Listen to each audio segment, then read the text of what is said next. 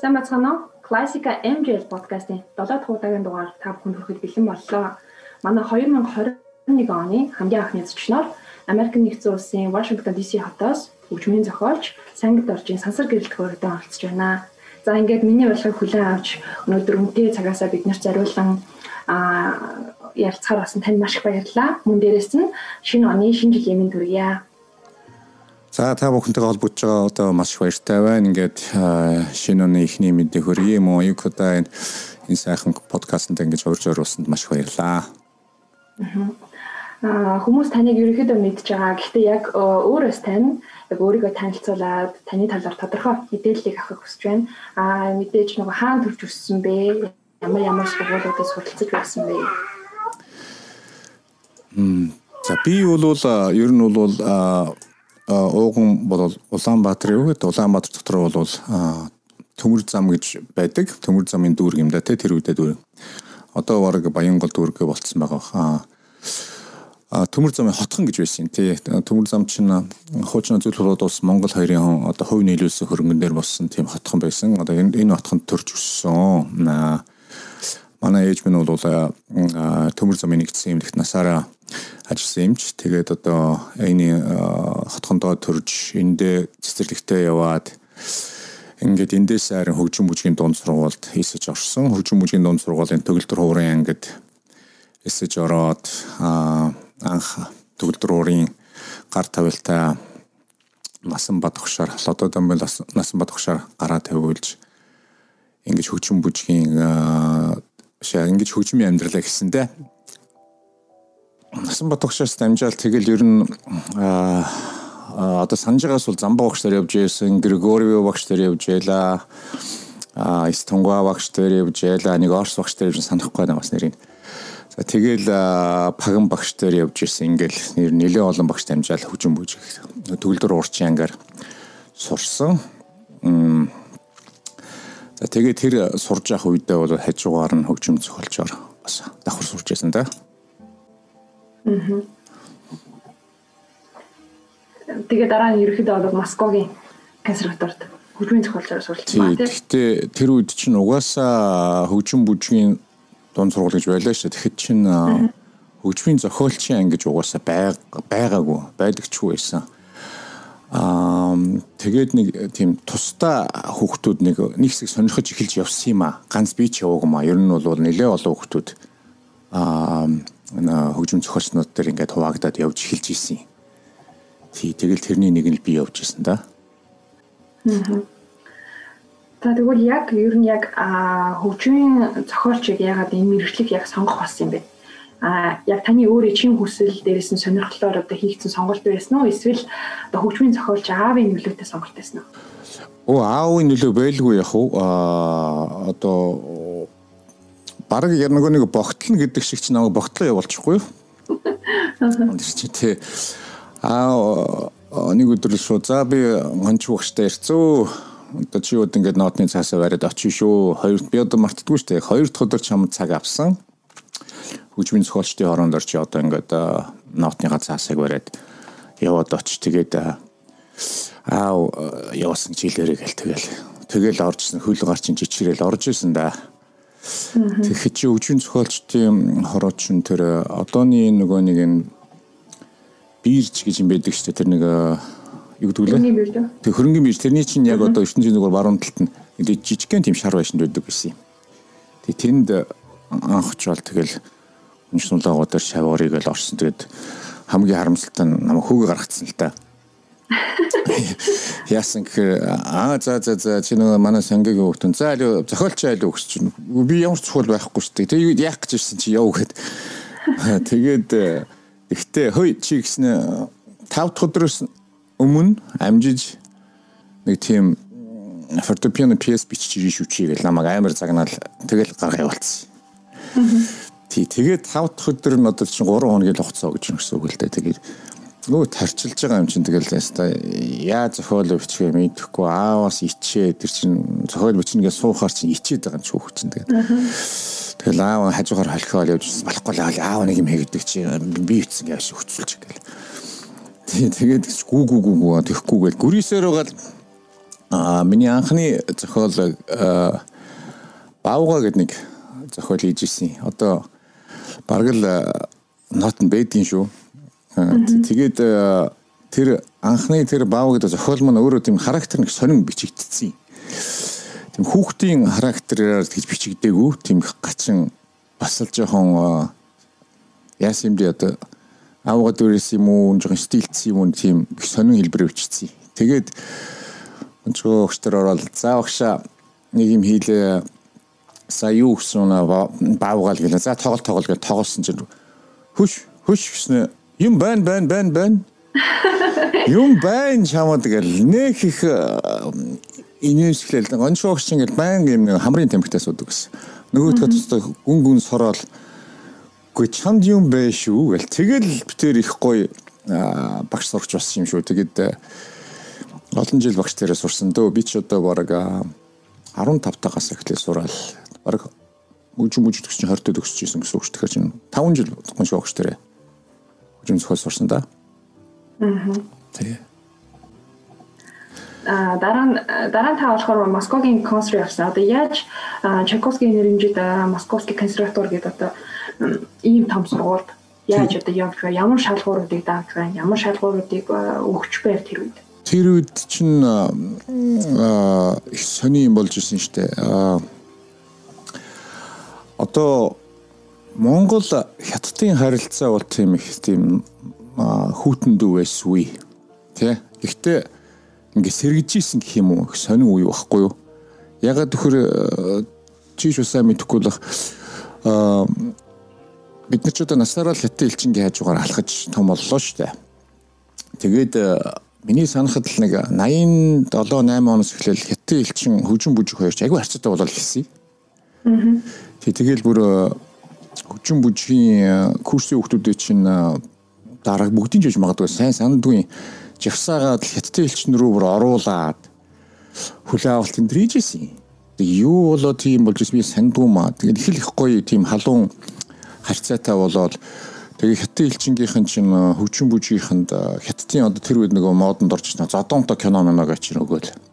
Бид нар чинь заалантаа тэр хятадын кунфудо кино, уушуто кино гэж үзэл. Хоо кино театраар гардгүй ховор юм гараал.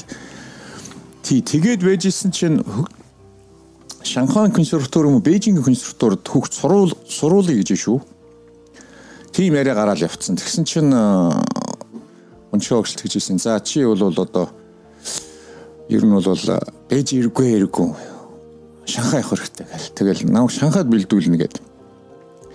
Тэгээд байжсэн чинь тэр жил нөгөө нэг хятад чинь юу болчихдээ. Оюутны бослого болсон шүү дээ нөгөө термины бослого гэх. Тэгээд тэр чинь олон хүн алуулаад сустын болол тэгэл тэр жил нь хятадууд чинь гадны оюутан авах боллоо татгалзлаа уучлаараа гэх. Тэгээд тэр хятадын сургууль худлаа болоод тэгээ байжсэн. За тэгэл оноо хэлж за за за одоо Урал руу явах болжтой минийх одоо бол хятадын Шанханаас сонирл үйсэн ингээд. Тэгээ байжсэн чинь тэр жил нь хятадын биш хятадын биш зөвлөлт холбоод улсын нөгөө Минвүүз гэж байдаг. Дээд боловсролын хороо гэдэг ч одоо тийм аха Минвүүз гэдэг баха. Тэндээс чинь том төлөөлөгч ирээд Монгол хүүхдүүдийг энэ жил одоо Москва сургуульд авнаа л гэж байна. Тэгсэн чинь одоо 4 5 хүүхдийг л Москвагийн консерваторид авахар болчих чинь гэж шүү. Зүүдүүгээл тэгээд э, шалгалт аавна гэсэн. Тэр Воронцов гэж нэг нэг том биетэй хүн орж ирж байсан. Тэгэл тэр хүн чи өөрөө тийм бүр э, хөгжмийн мэрэгжилтэй амар мэрэгжилтэй тийм мэдлэгтэй хүмүүс. Тэгэл биднээс шалгалт аваад би одоо сайн сандгүй 4-5 хүүхэд авцсан юм а. Тэгээд э, ингээд Москвад та нар хуваарлагдсан шүү гэд. Тэгэл тэр үчиг зовлонтой юм чинь одоо бараг тийм ойлголт байдгийм болов харийн алга гэсэн нэг ойлголт тэр үед ч зарим зарим газартаа бол байж л байгаа л та. Монголын айл жишээ одоо нийгмийн төвшөнд бол тэр үед ч нэ штэ. Одоо өөр одоо мөнгөтэй гэж яригддаг болсон баг. Тэр үед чи нөгөө даргын хүүхэд гээл те айгүйх тийм юу яадаг. Тийм арын алга гэдэг ойлголт бол айгүй өндөр байлаа штэ. Яаж иж байгаа л нэг юм жоохон ажилчин малчин тариачин гэдэг юм уу юм хүүхдүүд ингээд нэг мэтгэл хуваар нь алга болдог. Энэ айгүй л тийм айгүй тийм энгийн ойлголт байсан. Яасан хуваар алга болцсон. Тэгэл ингээл нэгтэл тэр хуваарийн өөр нэг даргын хөлт аваад явцдаг. Энэ жишг бол айгүй тийм юу байсан. Аа илбэг байсан. Гэхдээ тийм одоо юм тохиолдчих шахажсэн тохиолдол байдгийн. Аа гэхдээ яг хуу ягаад тэрийг тохиолдуулаагүй вөхөр тэр орс хүн өөрөө ирээд нэрийн цохоо цохоод аваа явцсан баг. Аа. Тэг тэг Москва институт руу чинь гачи юм болж байгаа юм чи бүр юу вэ энэ ч удаа гэд. Тэгээ тэгээд Москвад очоод бид нар чи 8 сард очиж байгаа шинэ оюутан тэгээд тэгээ очсон чинь айгүй сонирхолтой орсууд бид нар оюутны байранд оруулдаггүй. Та нэг шалгалт авахаас нааш оюутны байранд оруулахгүй гэдэг. Тэгээд элчин дээр нэг төлөөлөгчийн байранд нэг тэр юу нөх оюутнууд шинэ ирсэн бай оюутнууд төр зур байрлуулж ирсэн. Энд байрлаж явахдаа бүгдээр нөгөө эсэлтийн шалгалтаа өгөөд төрүүчээсээ бүгдээрээ үсрээд ерөөсөө ингээл ток ток ток гол тэнцээгүү тэнцээгүү тэнцээгүү гэдэг нэг напролины гэж юм өгдөг байлаа шүү дээ. За чи ураал чи ураал чи тийшээ ийшээ гэл ингээл зарим нь чи буц гэж байгаа юм чи айгүй аим. Тэгээд тэгсэн нөгөө дандаа л хөгжим зохиолчтой шалгаж хамгийн сүүлд явдсан шүү дээ. Ер нь ингээд э, хөгжим консерваторид ингээд хараад хахад төгөлдрөөр хийл өдөртөө ингэж явж байсан хамгийн сүүлд нь хөгжим зохиолчтой шалгалт. Тэгээд э, би хүлээж ирсэн чинь намайг нөгөө гадаад декан дуудаад чи Наполеоны ав гэдэг юм. Тэгэхээр би юу Наполеон гэсэн чи Уралын консерватор руу юу юу гэж байгаа би шалгалтаа өгөөгүй шүү дээ гэдгсэн чинь. За за за танаа монголчууд ер нь хөгжимд жоохон дэми юм бэ гэдэг юм шууд. Тэгсэн шүү дээ. Яг айгүй юугүй Тэгээд би чи ингээд нулимс цэглэгнээд гүүгүү юу гэж байгаа юм бэ? Ер нь бас хин гэж байсан. Крашм гэж байсан юм. Энэ чинь юм би шалгалтаа өгж иж явмаар байна шүү дээ. Үгүй гэдгсэн чинь. Гэхдээ одоо шийдсэн би чамд зориулж тийм юу хийхгүй гэдгсэн багхгүй юу. Тэгээд тэгсэн яг нэг их чирцсэн байсан Монголоос бас. Тэгээд одоо тэр яг кино шиг дөө тэр Чайковскигийн хөшөөний дорч манай ихч гадаа суугаал хүлээжсэн. Би урваагаал гараад ирсэн яасан гэсэн чинь намайг ингээд ураал руу яв гэж ингэсэн манай их чинь өө яасан сони юм бэ шалгалтгүй ингэж байгаа мó гэл тэгэл битээр чи нэг сэтгэлээр унаал тэгсэн чи манай их чинь гинт хоёлын ерөөсөө союз композитор орё гээд Орсын евро орхи хөгжийн зохиолчдын хороонд орж гомдол мэдүүлээгээд тэгэд орсон шүү дээ би тэр. Тэгээ орсон чинь нөгөө хин сууж ив штэ? Өнөө насаараа дарах байсан Хреников Хингдэл Тихон Николаевич гэдэг хаа Хреников тий Хреников сууж байгаа байхгүй. Хөө нөгөө нэг домогч нь сууж байгаа. Хараал яг их настай болцсон байсан ороод яриад би ингэсэн чи ингээ би Монголоос ирсэн намайг ингээд ингээд авсангүй гэсэн чи харин Хреников тэгдэг ба шүү дээ энэ боловсролын юм асуудлыг би одоо шийдэж чадахгүй л да харамсалтай. Тэгээд тэгээд их гоё ярьсан юм надад. Орсууч нэг юм гоё дотн нэг одоо moi гэл нэг хүү мүү гэж ярьдаг шүү дээ тий. Зарим бүр ингээд дотносхоор солонш контр гэл. Чи юу яач? Бэд усралын хоронд очиод наад босон явдлаа бүгдийг хэл. Энэ одоо ийм байж болшгүй боломгүй юм муухай юм болсон байна чи очиж хэлгээд. Тэгээд тийшээ оч тим тим тим өрөөнд тим хүн энийг хариуцсан хүн байгаа гэдэг. Тэгээд нөгөө дээд усралын орон маргаас хичтэйгээ яваад нэг үүрээр очиж исэн юм аа нэг айгүйх 7 8 өч очиж исэн юм. Тэгээд нөгөө өрөө өрөөгөө ингээд судалж байгаад яваад орсон чинь нөгөө намайг ирж шилж авдсан нөгөө урамцуугаа чинь сууж идэг биш нөгөө өрөөнд нь. Тэгээд намайг харангуут өө за баяр үргээ хүрээд ирчихсэн би чамайг санжин санжина офшогтой орсон уу морсон чинь аль тууцсан би. Юу офшогт орох би одоо бар ингээ орох орончгүй намайг ингээд э, шалгалтанд авсангүй. Тэгээд намайг шууд яв гэж ингэсэн чинь айгүй уурлаад. Одоо юу яа? Энэ бичгийг яваад очих. Нэг том нэг эсэр гэсэн тамгатай бичигвэл Тэгээд нөгөө юунд очиод Таканд очиод өгсөн чинь шууд босоод маргааш өглөөд шалгалтанд ирээрэй гээл. Тэгээд маргааш шалгалтанд ирж байгаа. Ганцаархнаа би шалгалт өгөх. 5 6 цагаан толгойтой өгчүүс утсан. Айгу аймш тийм Орсын профессор хаа чинь дотор ачин гэж. Тэгэл суу гал хамаг өвдөг өвдөг чичрээс тэр чи юусэн. Тэгээд За юу тоглох чинь гэсэн чи би скерц тоглоно. Юу скерц гэсэн чи миний скерц гэсэн чи. Гүү гүү чамаг ин скерц тоглох гэсэн чи. Нэг баахан юмнаас тоглох гэл. Ядаж төрлүүд тоглол гэдэг. Тэгсэн чи би хөгжим бүж төгсөдөө угаасаа нэг диплом ажил дэрсэн чи бас гайгайгаа юм тоглолцсон юм чи. Баах тоглолоо. Тэр соль минорны фуга тоглож исэн тийм аа. Тэгээд за одоо чинь крупны форм тоглоод байгаа нэг санаат тоглох гэсэн. Тэгээд Бетховны нэг 17 дугаар санаатыг тоглоод За ингээл ингээл яасан. За за одоо чи хөгжмөн зөвхөрөө тоглоод. Тэгээд тоглоол яасан чинь. Айгүй өөрхөн. Одоо миний багш юм да. Альберт Лемон чихэр хилдэжсэн. Чихэр хилдэжсэн. Чихрийн дотор цалын цаасан дээр ингээд үзгээр нэг юм бичээ. Чи нууц хадгалтгүй гэж хадгалдаг. За энийг аваад деканд өг. Нөгөө чихрийн цаасан би ингээ барыг үүж байгаа шүү дээ. Нөгөө корпусаас нэг деканы корпус гүйчихэд танд энийг Альберт Симеонович өгч ийн гэсэн чинь эн чи одоо юу юм гэлсэн мэдэхгүй танд өгөөрэй гэсэн. Нөгөө чихрийн цаас задлж үзснэ. Сургуулийн голгосон пропуск гаргаа бичсэн байхгүй. Тэгсэн чинь намайг офшакт орох зөвшөөрөл өгч байгаа юм тэр. Тэгээ шалгалтаа өгөөд ингэ тэнцэж орж ирсэн. Их сонин түүхтэй тий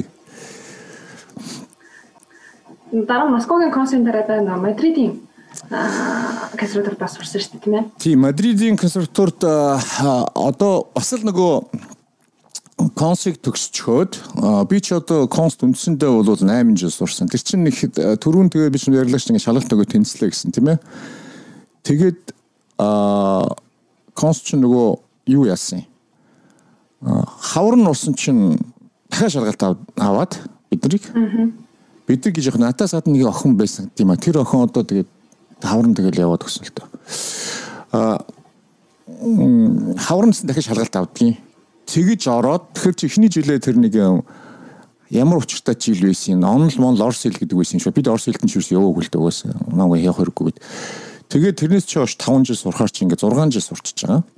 Аа. Тэгээд 6 жил сурчгаад 2 жил нөгөө стажировконд сураад ингээд 8 жил сурчиж байгаа. Тэгээд тэр үед нэг сүүлийн 2 жилийн стажировктор энэ гадаадын хүчин зохиолч нар ирж бид нар их уулзалтын дээр хийдэг байлаа л да. Манай композитор гэв кафтер төр чинь ингээл Америкаас л ирж ийн гин, Японоос л ирж ийн, Германаас ирж ийн гэл ингээл тэгээд тэд нартай уулзаад ингээд зохиол ингээд ярихаар нэг л тийм сонин шал өөр өөр амьсгалын нэг орж ирдэг гэсэн баггүй юу. Тэгээ бас Оросын сургалт одоо хөгжмийн зохиолч нарын сургалт чинь бол бас нэг юм тийм зарим талаараа бидэрт хаалттай байсан л байгаа юм. Одоо үзэж болдгоо тэд судалтгүй хөгжмийн зохиолч нар байсан л байгаа байхгүй юу? Сүүл тэрийг би ингээд яхаар тий тэгээд төгсөөл за одоо яг Монгол явах уу ингээл явах уу гэсэн чинь гинт би би Европ руу баруун Европ руу нэг ямар байна. Энэ нас залуу байгаа дээр жоохон бадар барай жоохон тэнийд ирэй гэж бодогдоод Тэгээ герман герман юу гэж таньдаг хүн амт байхгүй юм чи. Тэгэл тэг чи манай их чи яг одоо сургуулаад өгсөд нөгөө Испанд очиод нөгөө Испан үнтэй гэрлээ тий. Тэнд ингээд сургууль мургуулаа байгуулчаад ингээд эхэлж ирсэн. Тэгэл ихчийнхээ бараг бараад л очиод би Мадридын консул сонирхож чинь гэдгсэн чи ихч болно штэ чи очиод шалгалт малт нөгөөд үз үзгээд. Тэгээд намайг очиод Мадридын консул очвол нөгөө симфони эхнийхээ симфони сонсгоод төлдөр уурынхаа хэдийн юмуд тоглоо яасан. Тэгэлсэн чинь өө асуудалгүй ор ор ор гэл. Тэгээд тэр Real Conservatory гэх тентхийн аа Мадридын хамгийн том консультоо тэгээд тэр Гарсиа Аврил гэдэг бас Испанийхаа одоо манайхаар бол баг гонч сумлагаа гэж хэлмээр мөрд оржгоо гэж хэлмээр тийм тийм зохиолч л доо бас их чанаас өндөр болсон байсан. Тэр хүн намайг оюутнаар болгож аваад Тэгэхдээ бол тийм Москвын консулс дараа нь би ингээ хоёр газар сурж үзлээ тий. Испанд би сурж байсан. Дараа нь би энэ Америкт бас Dartmouth гэдэг тийм нэгэн бас тийм алдартай хүчин зохиолч төрөн гарсан тийм сургуульд бас нэг 6 сар курс суусан юм. Тэгэхдээ ингээд үзэхээр зэрэг Оросын сургалт бол үнэхээр бидний чи бүр ингээд угаагаад нэвтрүүлэгдээд бүр ингэ сэгсрээ татаагаад мушгaalцсан бэл. Үнэхээр одоо тэр үедээ бол чи ч одоо өөрөө орс сурч ирсэн мэдж байгаа бах та. Пүүх ёстой. Зүуд хардар зүудэлдэг байсан шүү дээ. Амжихаа байл сургуулиасаа хөөгдөж ийн гэл ингэ чичрээл хардар. Тийм дарамтанд сурдаг байсан үн чинь ингээ шал хоёр өөр орчин дээр ородсон чинь юм сурахгүй байгаа юм шиг ингээ санагдаад ирсэн. Юу сурахгүй байгаа юм шиг. Тэгэл шин юм хийлээ багшаа ингээд ирсэн. Оо гоё гоё ерөөсөө л гоё ямар гоё юм өшөө гоё наад өшөө ингүүл гоё яаж ингүүл ингээл айгүй ингээд таавараа сурчиж байгаа байхгүй юу. Гэтэл Оросын одоо тэр сургалт гэдэг бол үнэхээр энэ тэр багш нар бол ер нь бол чи миний хэмжээнд хүрэх болоогүй гэдэг баталж чаддаг л усуд байсан юм бэлээ. Ер нь бол тий ингээд амыг ингээд төгжиж чаддаг ингээд нам болгодог. Үнэхээр энэ тэгэл юм сургасан юм байлээ л дээ. Тийм ялгаа байгаа юм. Аа энэ жоохон юм барууны юунд ингээд орохоор зэрэг илүү тийм чөлөөтөө а тэр хүний өөрөөс нь өөрийн хичээнгүүлэн сурах тэр чадвараас шалтгаалдаг. Аа тий Оросыг болохоор чи тийм би чи үгүйч вэ? Чамаг ингээд яг ингээд бүгд ингээд тий хүссэн ч хүсээгүй ч сургаад тэгээ чи дийлэхгүй бол баяртай л гэж байгаа байхгүй. Тий. Тий. Тэр чинь одоо Тэгээ сүүл харахад бол өгсөн өгөөж нь бол яг амар их он тий. Үедээ бол хамгийн их боловсрсан хамгийн их юм олж авсан гэдэг шүү дээ. Тий бүр айхт чинь бүр хэлхийн үг арга. Заримдаа би бүр бүр үг ордог. Яг ийм сургуульд яах гэж сургаа энэ ч одоо өөхлөө штэ гэж боддог шүү. Хүчийн зохиолч нарын чинь тэгээд амар муухай яргалдаг байсан юм аа. Одоо зовлонтой байсан юм аа. Хөгжимчид бол ингээд механик байхгүй бас та нар чинь одоо манаагч гэдэг юм чи та нар чинь ингээд давтаад ингээд болох чинь тий. Тий. Хүчийн зохиолч чинь ингээд юм орж ирэхгүй болохоор сандарч байгаа юм чи одоо яана юм гарч ирэхгүй юм чи яах юм бэ? Айгу хэцүү. Тэгээд бүр ингээд хоосон болохоор чинь яг ингээд бэлгийн татаад байвал болох л баг. Тэгэхэд хөгжим зохиолч за чи одоо энэ дэр ийм одоо яг ийм шүү. Эний задаргаа гэдэг энэ дэр ийм стил дээр ийм ийм гаргаад ирэх чинь юм гарахгүй болохоор чинь айгүй хэцүү шүү дээ. Айгаад бүр ингээд багшаасаа нэг тийм жишээлбэл яаж одоо тэрийг мэдээд байна гэхээр би бас өөрөө хөгжим мөжөг төгсдөг жилээ хөгжмийн зохиолчээр ингээд бас давхар суралцчихсан. Өө тийм үү.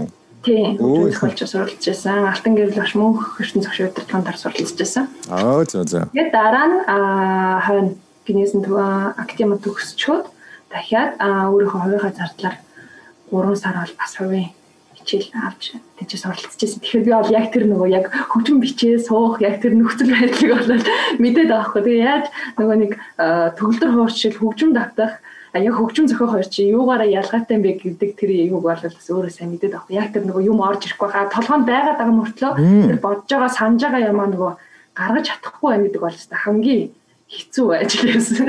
Тэгвэл чи чи бас манай намд нөгөө яг гараас юм гараг байгаа мөртлөө толгойд ингээд юм эргэлдээд байгаа учраас толгой ерөөсө хизээч нөгөө бүтэн амарч чадахгүй байсан.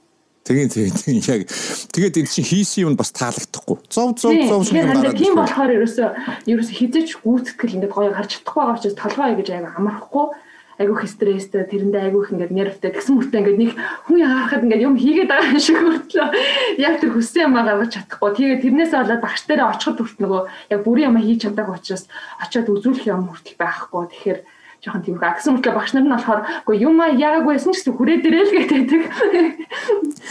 Тэгээд яг тэр ингээд хөгжмийн зохиолчор ялгааг өөр дөр бол мэдэрч үзсэн. Тэг хөгжмийн зохиолч чинь нь штэ.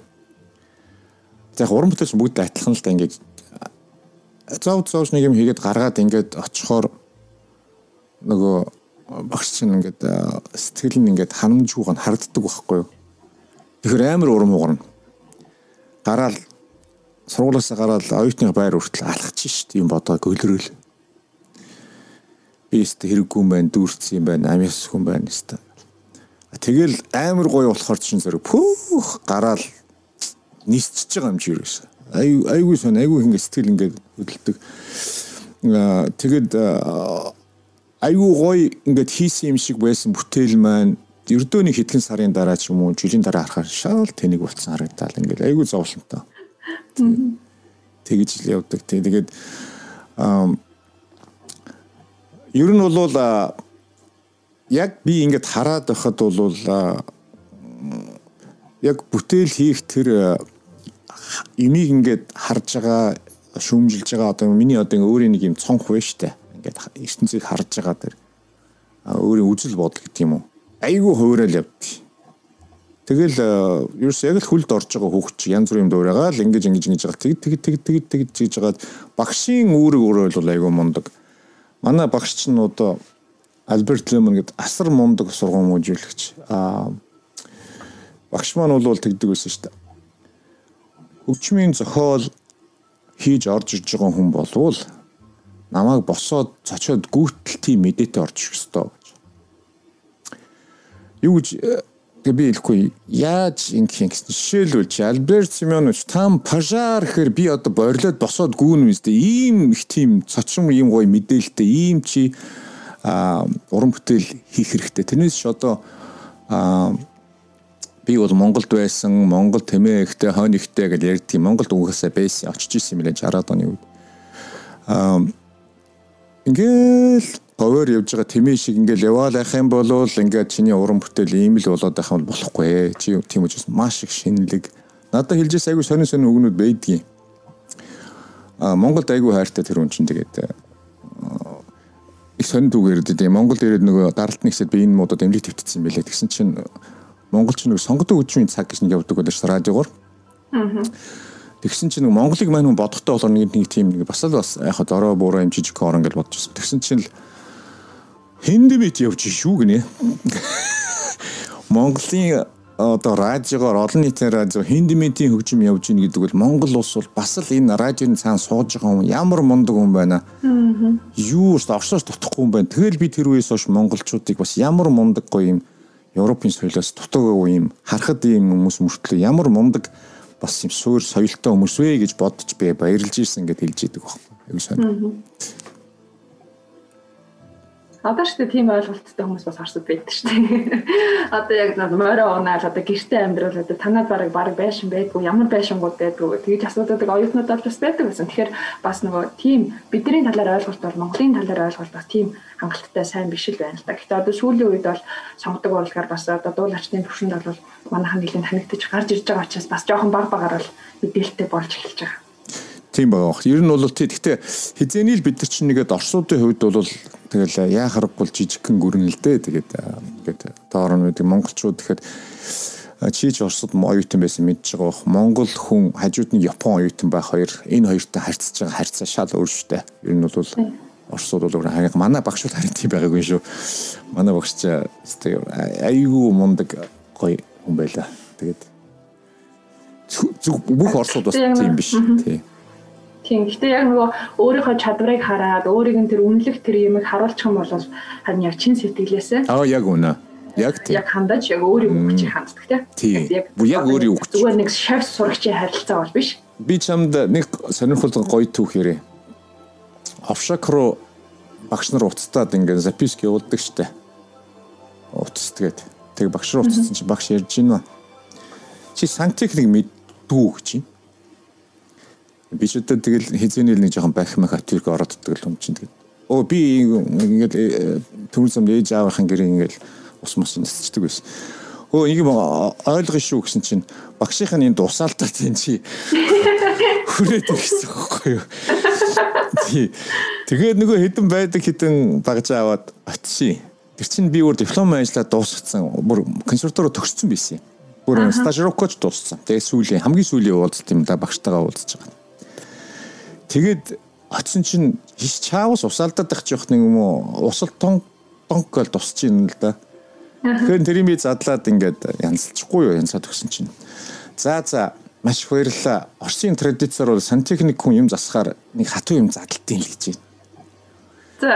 Аюу сонирхоо багш нь портвин нь хоёлоо нэг портвин уух уу гэсэн чинь амьдралдаа тий 8 жил багшаараа эрдэм заалгачаад хамгийн сүүлд сонирм уулзалт намайг нэг радио биш радио юу крант засаадаг гэх тээ крантын засаад тэг манай багш надад портвин задлна гэдэг бол айгүй сонь тэгээд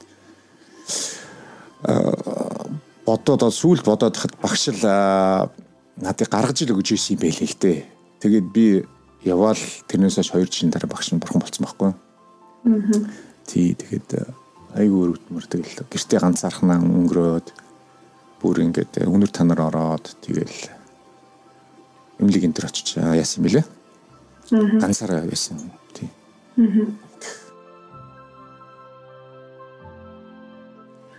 Мэргэжлийн хөгжмийн зохиолч, ая зохиогч гэдэг одоо олон төрлийн ялгаатай нэршлүүд байгаа шүү дээ. Тэгээ чухам энэ нэршлүүд юугаараа ялгаатай ялгаатай юм бэ? Тэгэхээр юу нэршлүүдийн талаар ойлголтуудыг зөв ойлголтуудыг энгийн хүмүүст тодорхой тайлбарж өгвөл. Тий, наадах чинь айгүй олон хүмүүс надад ер нь асуудаг байхгүй. Тэгэхээр аа Ер нь бол ай зохиогч да би ингэж ярил л да. Пол Маккартни гэж хэлээ те. Джон Леннон ч юм уу. Композер гэж бичдэг шүү дээ. Тэд нар бүр яг ингээд албан ёсноор songwriter гэж боддог. Одоо манайхаар бол ай зохиогч те. Гэтэл тэд нар ч одоо дэлхийн түүхнээс хизээж арилшгүй бүтээл хийгээд ингээд тавьц усууд шүү дээ. Тэгэхээр чин тэд нар бол композер гэж явдггүй байхгүй юу? Тэд нэр ая зөхөгсөн, дэлхийд алдарсан, түүхэнд орсон юм аяг зөхиоцсон усууд тийм ээ. Тэгэхээр ая гэдэг бол хөгжмийн нэг хэлбэр болчихж байгаа. Хөгжмийн зохиолч хэрэг зэрэг ерөнхийдөө бол цол واخгүй юу? Аа тэг бодолтой хөгжмийн зохиолчоор хүн сурах гэж те доотлолт нь одоо би жишээлбэл 6 жил үндсэн сураад дахиад 2 жил нэмж сурсан. Тэгэхээр зэрэг тэрэнд яах гэж дуу зохиох гэж сурахгүй л байхгүй юу?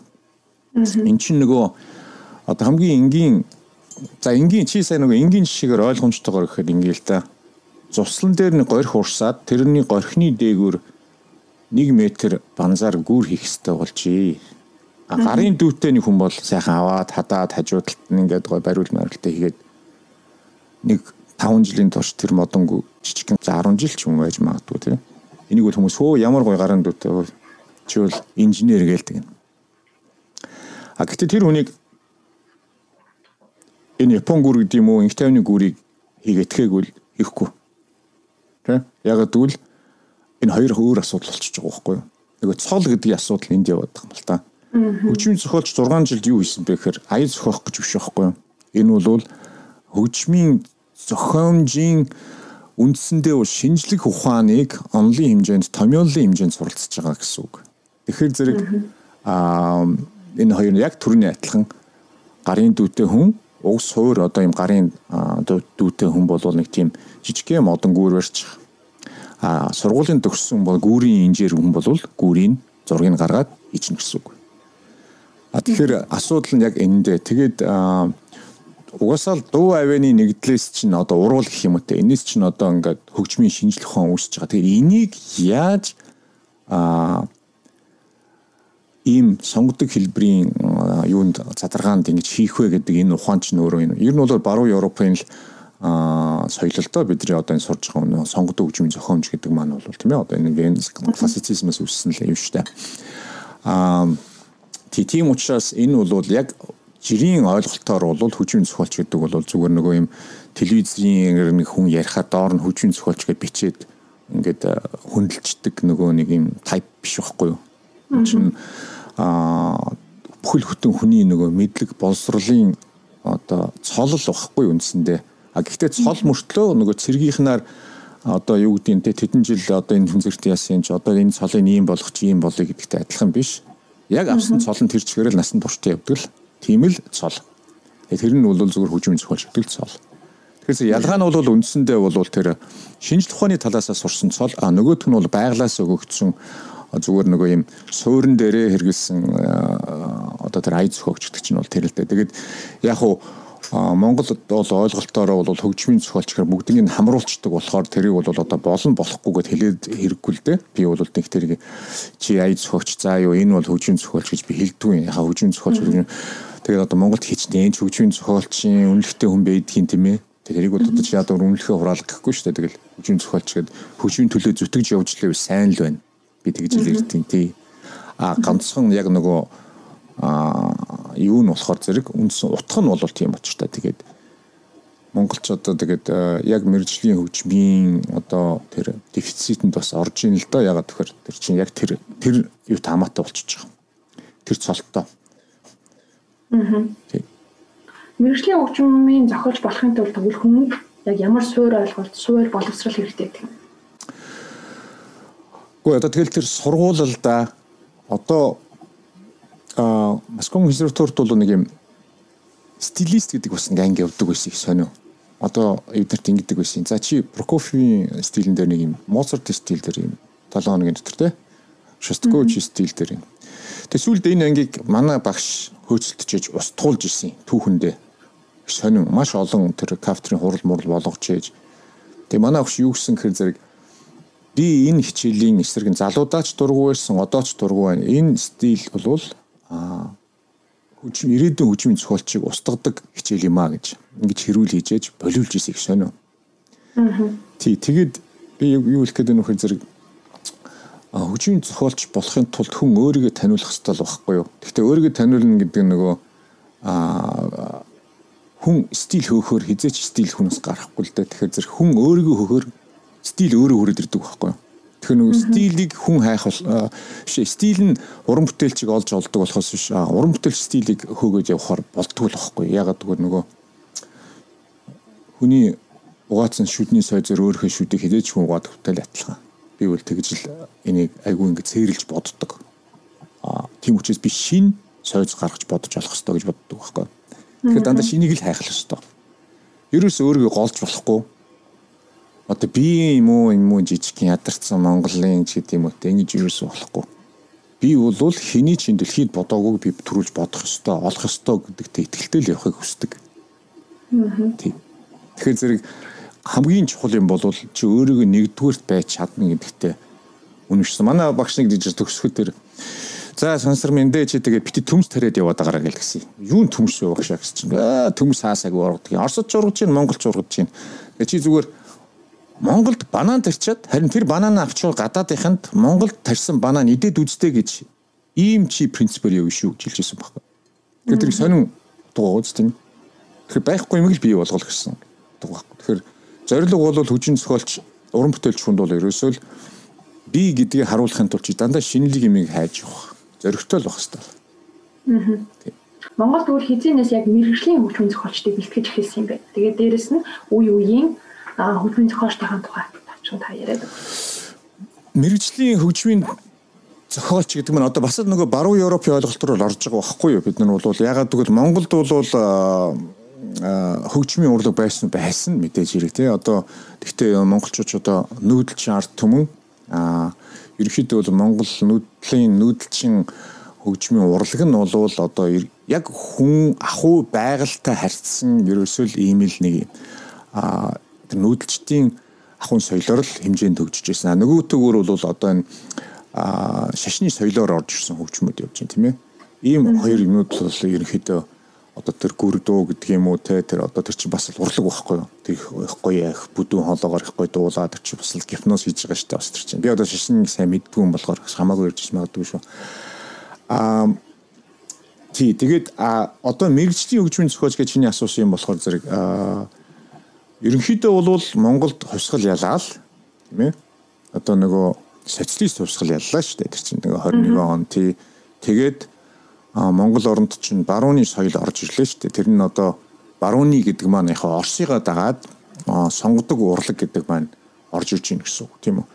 Тэгэхээр чинь зэрэг аа ер нь бол тэрийгэ дагаад аа Монголд чинь нөгөө анхны нөгөө ногоон театр театр гээл те одоо ингээд Монгол соёл урлаг хөгжүүлэх бодлого гэдэг чинь ингээд цаанаас төрийн хэмжээгээр гарч ирж эхэлж байгаа байхгүй юу. Хуучин болвол а тэр ерөөл туйл энэ төр хайлах гэдэг чинь бол зүгээр одоо энтертеймент хэсэг байсан байхгүй юу. Монгол хүн чинь унтахтаа тэр чинь ингээд өдөр мөдөр нь богинохонч байдаг тач тэр юм уу тэгээд нөгөө нөгөө юм тарг марга идэж унгаас хоосоо өргөд чи юуш тэгэхэр ч одоо тэгэл гой үлгэр ярин туйлаа хайлан дээр тэр чинь тэгээд тэр нэг тийм соёл болоод одоо бол тэхгүй шүү дээ. Одоо сууч шүү дээ.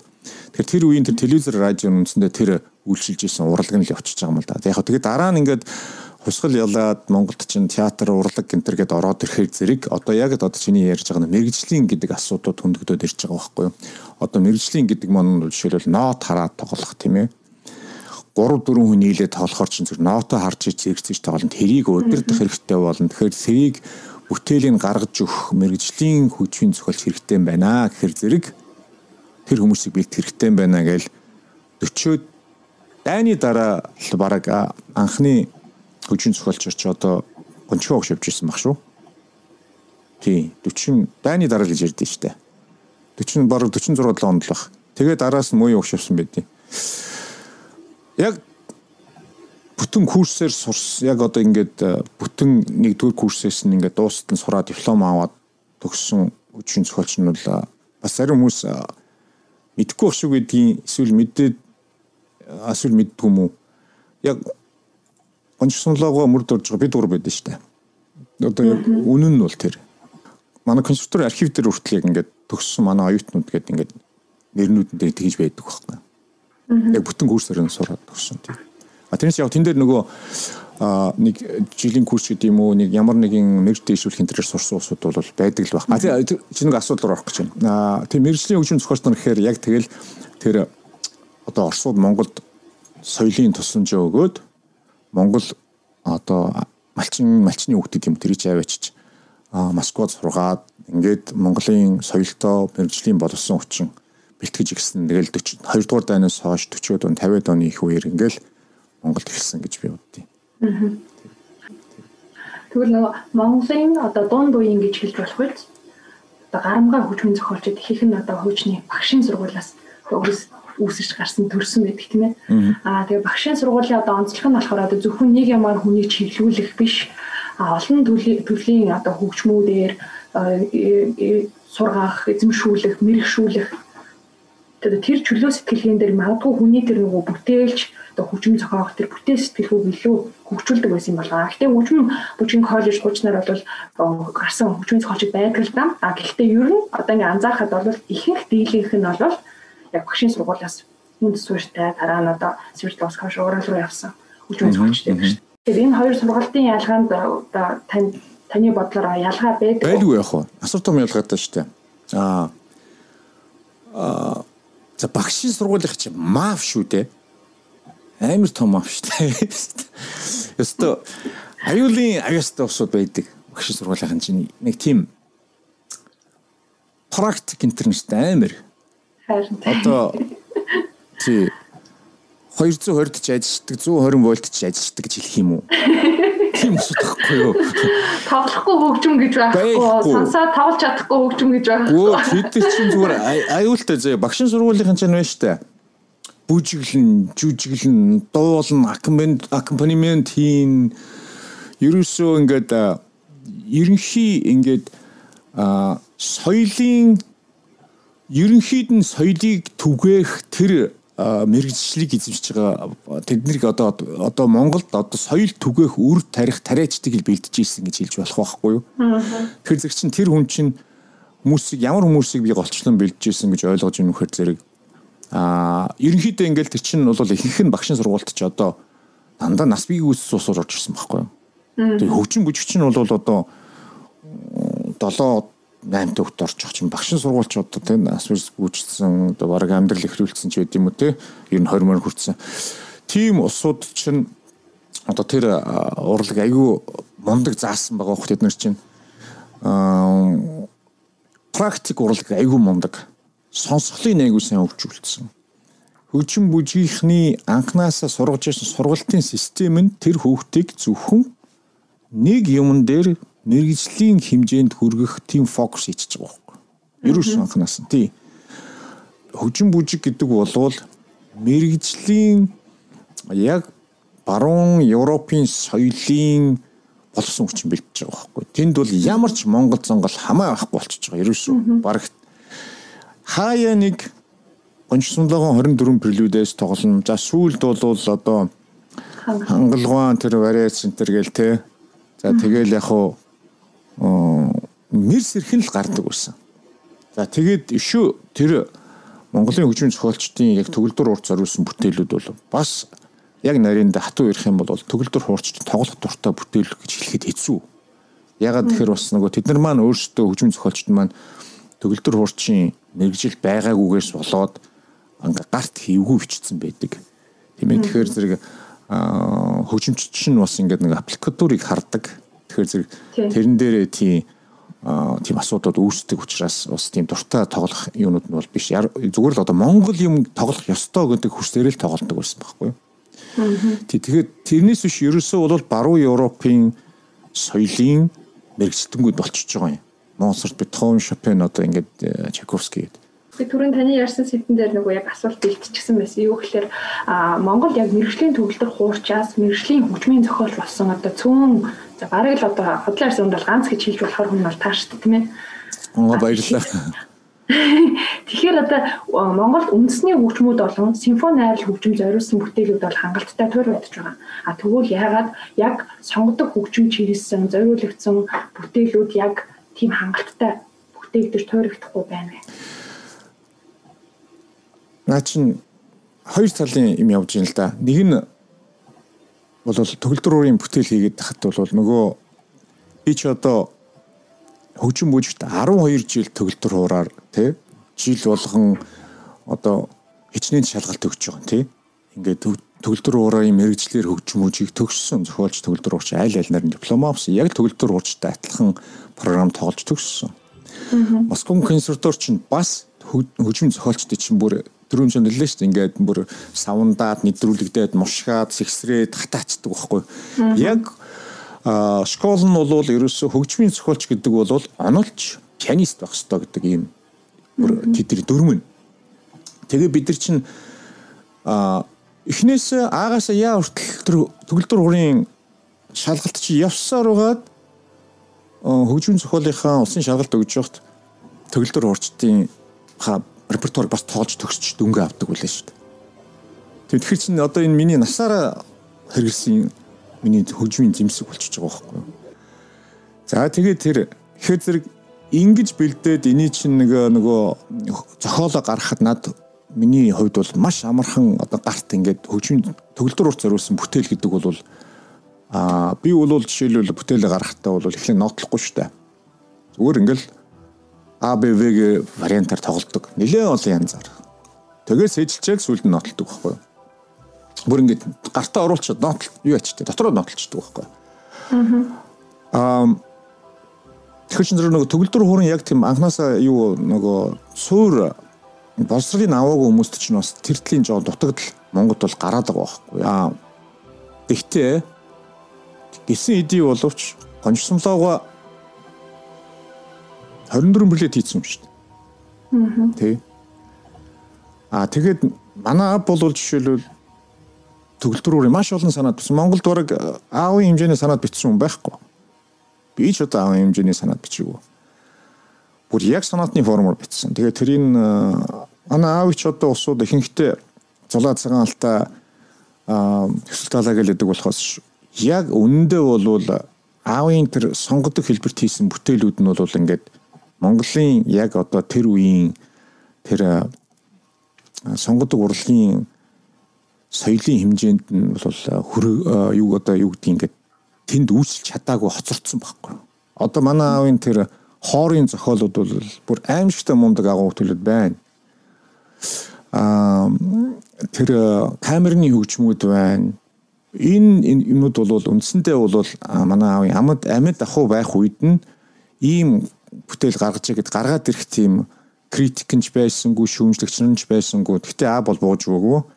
Бүр сүүл хүртэл одоо ингээл аа төгөлдрөөр чэлийн санаат энтер гээл тэ трио энтер гээд мань хүн бол сонгодог стилдээ үнч байсаар байгаа л ингээл явсан хүн баггүй. Тэгэхээр төгөлдөр хурын юм дээр бол манай бол бас ер нь бол надаас илүү гарахаас дутхааргүй битсэн.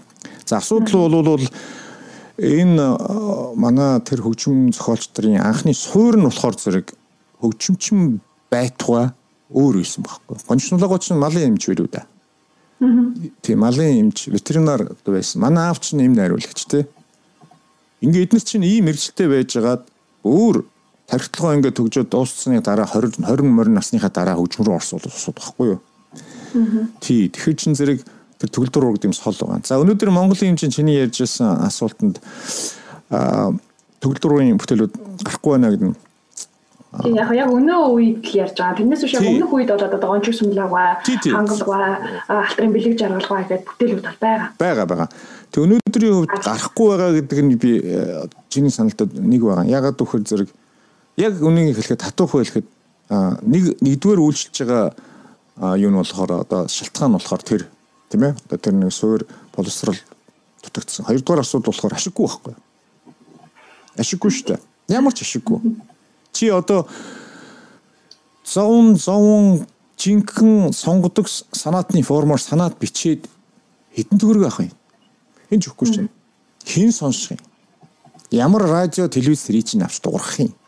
Аа. Тийм. Тэгэхээр чи үл зүгээр аа түүхэндлэл чи өөрөө үлдээгээл одоо ингээл энэ амьдралаа зүгээр ингээд хаяад ингэж л хийн хийнүүлэхээс биш тэр бол Монголд хүчин сухарч ашиггүй байхгүй юу. А тэгээ энэний буруу нь болохоор юу гэхээр зэрэг манай Монголд бол энэ сонгодог урлагийг хөгжүүлэх тэрэнд анхаарлаа өгч тэр талын босрлын талын тэр Монголын сонгодог урлын соёлын өвийг үлдээх бодлого хийхгүй гатал холбоотой болчихж байгаа. Тийм. би тэр 33 ардын дуу гэдэг чинь шалтгаан нэгдүгээр шалтгаан нь бол манай аав а 80 онд тэр 32 дууны жижигхэн юу хийсэн юм л хийсэн байсан юм л да. А ерөнхийдөө бол аав маань юу хийсэн гэхээр зэрэг юм 8 8 тактар жижигхэн жижигхэн ингээд айзууд айзууч явах гэдэг ардын дууны 32 дууг ингээд төгөлдөр урт ингээд байгаа. Эвтэйхэн зүгээр ингээд бага бүх тоглож хэмжээний ингээд хийцэн байсан бас дэлгэрээгүй байхгүй юу. Тэгээд аавгаа бурхан болсон дараа би бас аавгаа нуудыг ингээд хийж үргэлжлүүлнэ гэдэг. Тэгээд тэр 32 дууч яа 33 болцсон гэдэг. 33 дахь нь би зулаа цагаан галтыг оруулсан юм.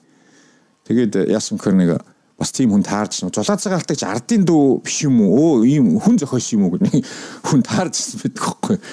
Тэгээд би аа 32 ардын дууны найруулга 33 ардын дууны найруулга гэдэг. Ер нь бол зулаа цагаалтаа бол ардын дууны хэмжээнд баг очсон юм дөө гэд би тэгээд хийцэн өөрөө. Тий.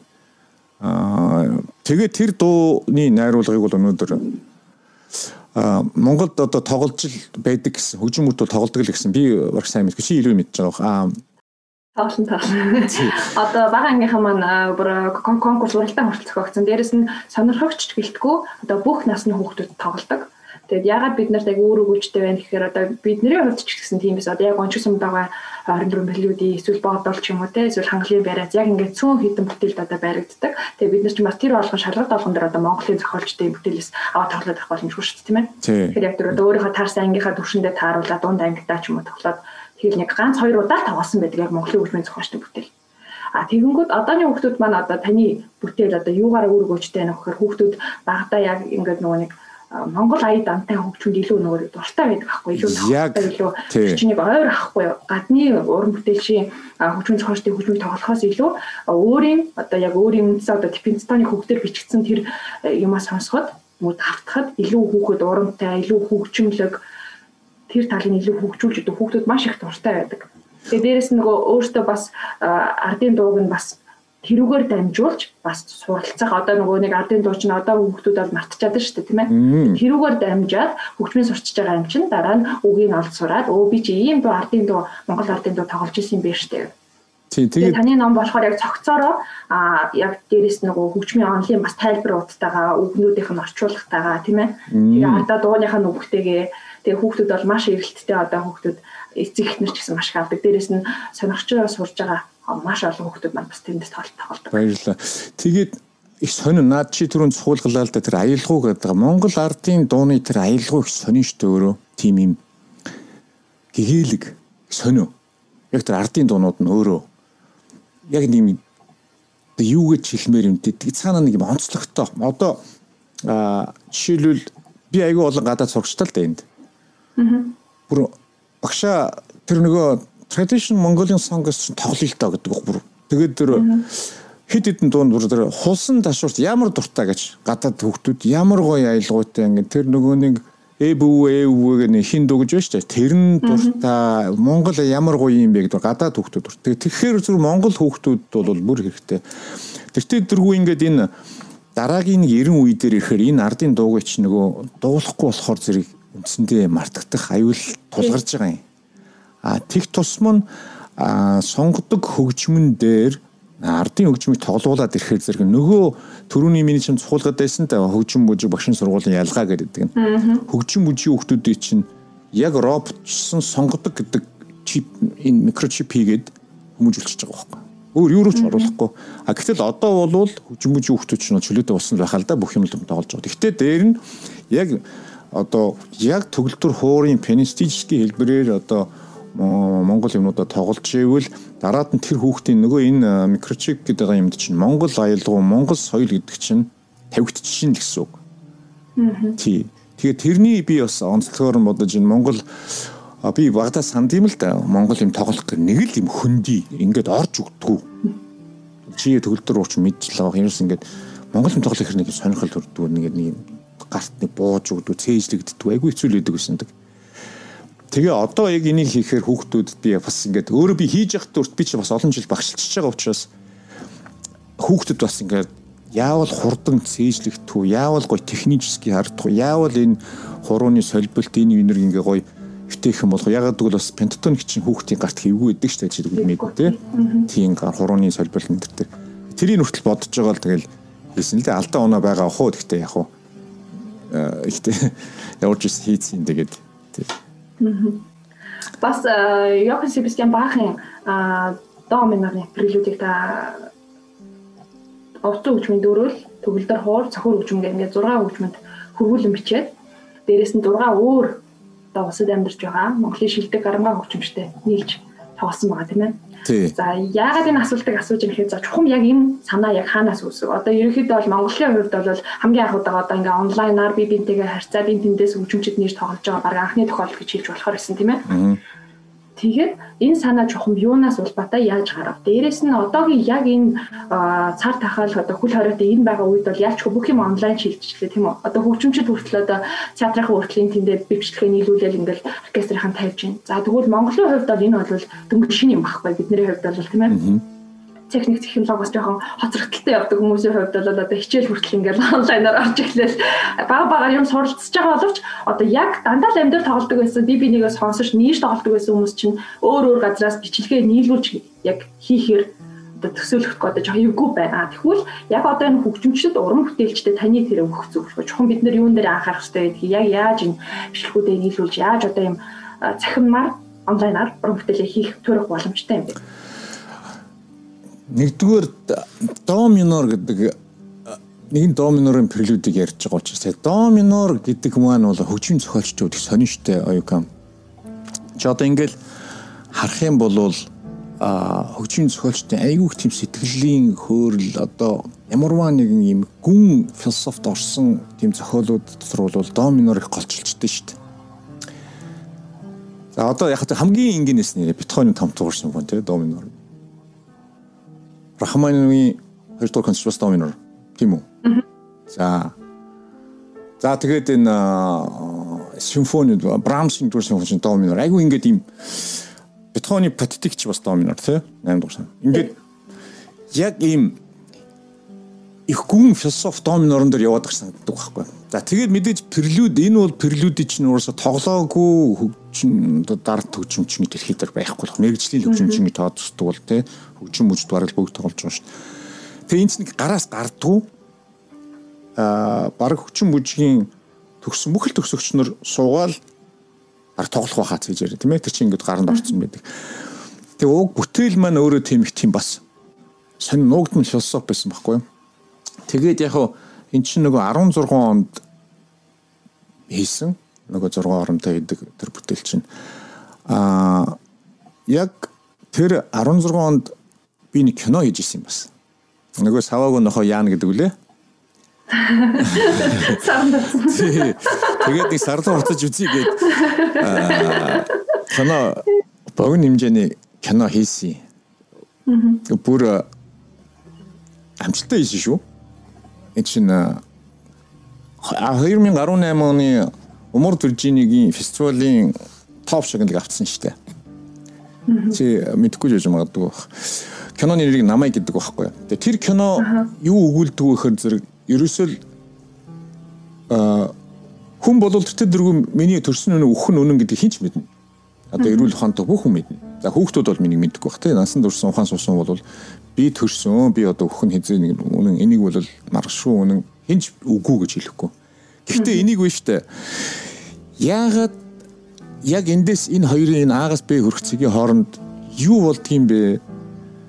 Яагаад хүний амьдрал ийм юм бэ гэдэг тал дээр хүн урлаг талаас боддгоо маа.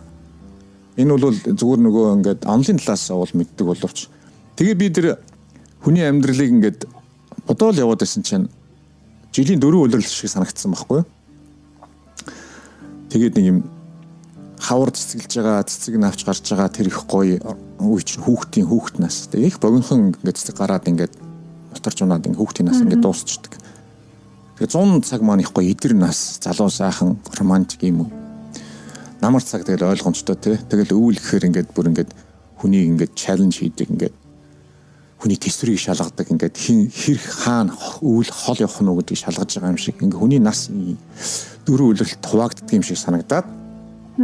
Тэгээд тэр намайг гэдэг англиар нэр нь I am гэдэг багхгүй Тэр киног богино хэмжээний 13 минутны кино юм л да. Тэрийг бүтэн би бараг жил хийсэн. Тэр киног I am гэж хийж явах үед би яг энэ тэр доминорны прилүүдийг бас давхар хийжсэн байхгүй юу? Яг нэг дор. Тэгээд тэр доминорны прилүүд чинь өөрөө цаг хугацаа гэдэг нэртэй штэ. Яг хүмүүс нөгөө доминорны прилүүдийг аранжирок хийсэн гэж ярих гэдэг. Үгүй юм л да. Аранжирок бас биш. Аранжирок гэгээд явах юм бол зүгээр яг тэр төгөлдөр урын тэр чинь нэг яг нөгөө хоёр гарынхын нэг нэгэ салгаад салгаад салгаа хөгжөнд хуваарлцсан. Үгүй би тэн дээр нөгөө шинээр формын задлаад шинжилж шинэ формд оруулаад а дээр нь шин аялгау контрпункт бүх юмыг гаргаад яг тэр бароккогийн хөгжмөнтэй адилхан болгож бүр шинжилж хийсэн баггүй юу. Тэгээд эн чинь нөгөө тэр үедээ би хөгжмөө хийчихэд надад энэ тоглоод өгч идэг тэр хөгжим чинь шаавайх уу би хаанаас тэр хөгжим чинь хайгаа явж гин толгой дуугаад Ер нь энэ энэ тэнд байгаа энэ Facebook-ын сайхан эдгээр нөхдөдтэй уулзж ингэ асууя тоглоод өгч чадах уу гэд.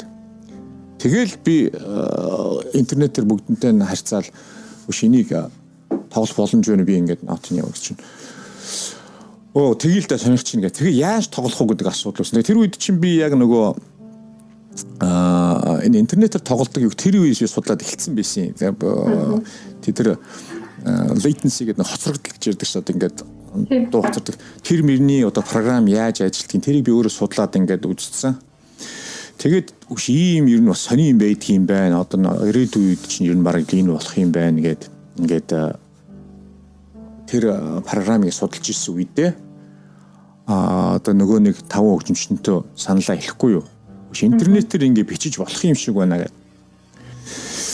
Тийм юм болсон. Тэг санаа бол зүгээр л яаж тоглуулах уу гэж ярилцж байгаа л ер нь нийлээд тоглолцгүй. Ер нь ингээ 6 ороноос холбогдоод тоглолцоо гэд тэг хийцэн. Тэрэн дээр бол нэг актер юм ба энгийн хариулт бол тийм л байна.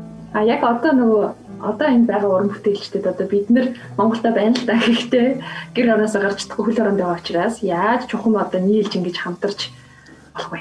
Тэг ямар ч байсан хамтарч тоглох хэмжээний бол биш Энэ бол яаж ч удсан гэсэн хамтар тоглох бүтээл гэдэг бол яхаарахгүй зүрхний тий одоо чи мэдээж ямар ч хүнтэй хамтар тоглоод мэдээж нэг нүүр нүүрээ харж агаад нэг нэгэ магтаад муулаад уурлаад хэрэлдээд ингээд уран бүтээл гардаг да.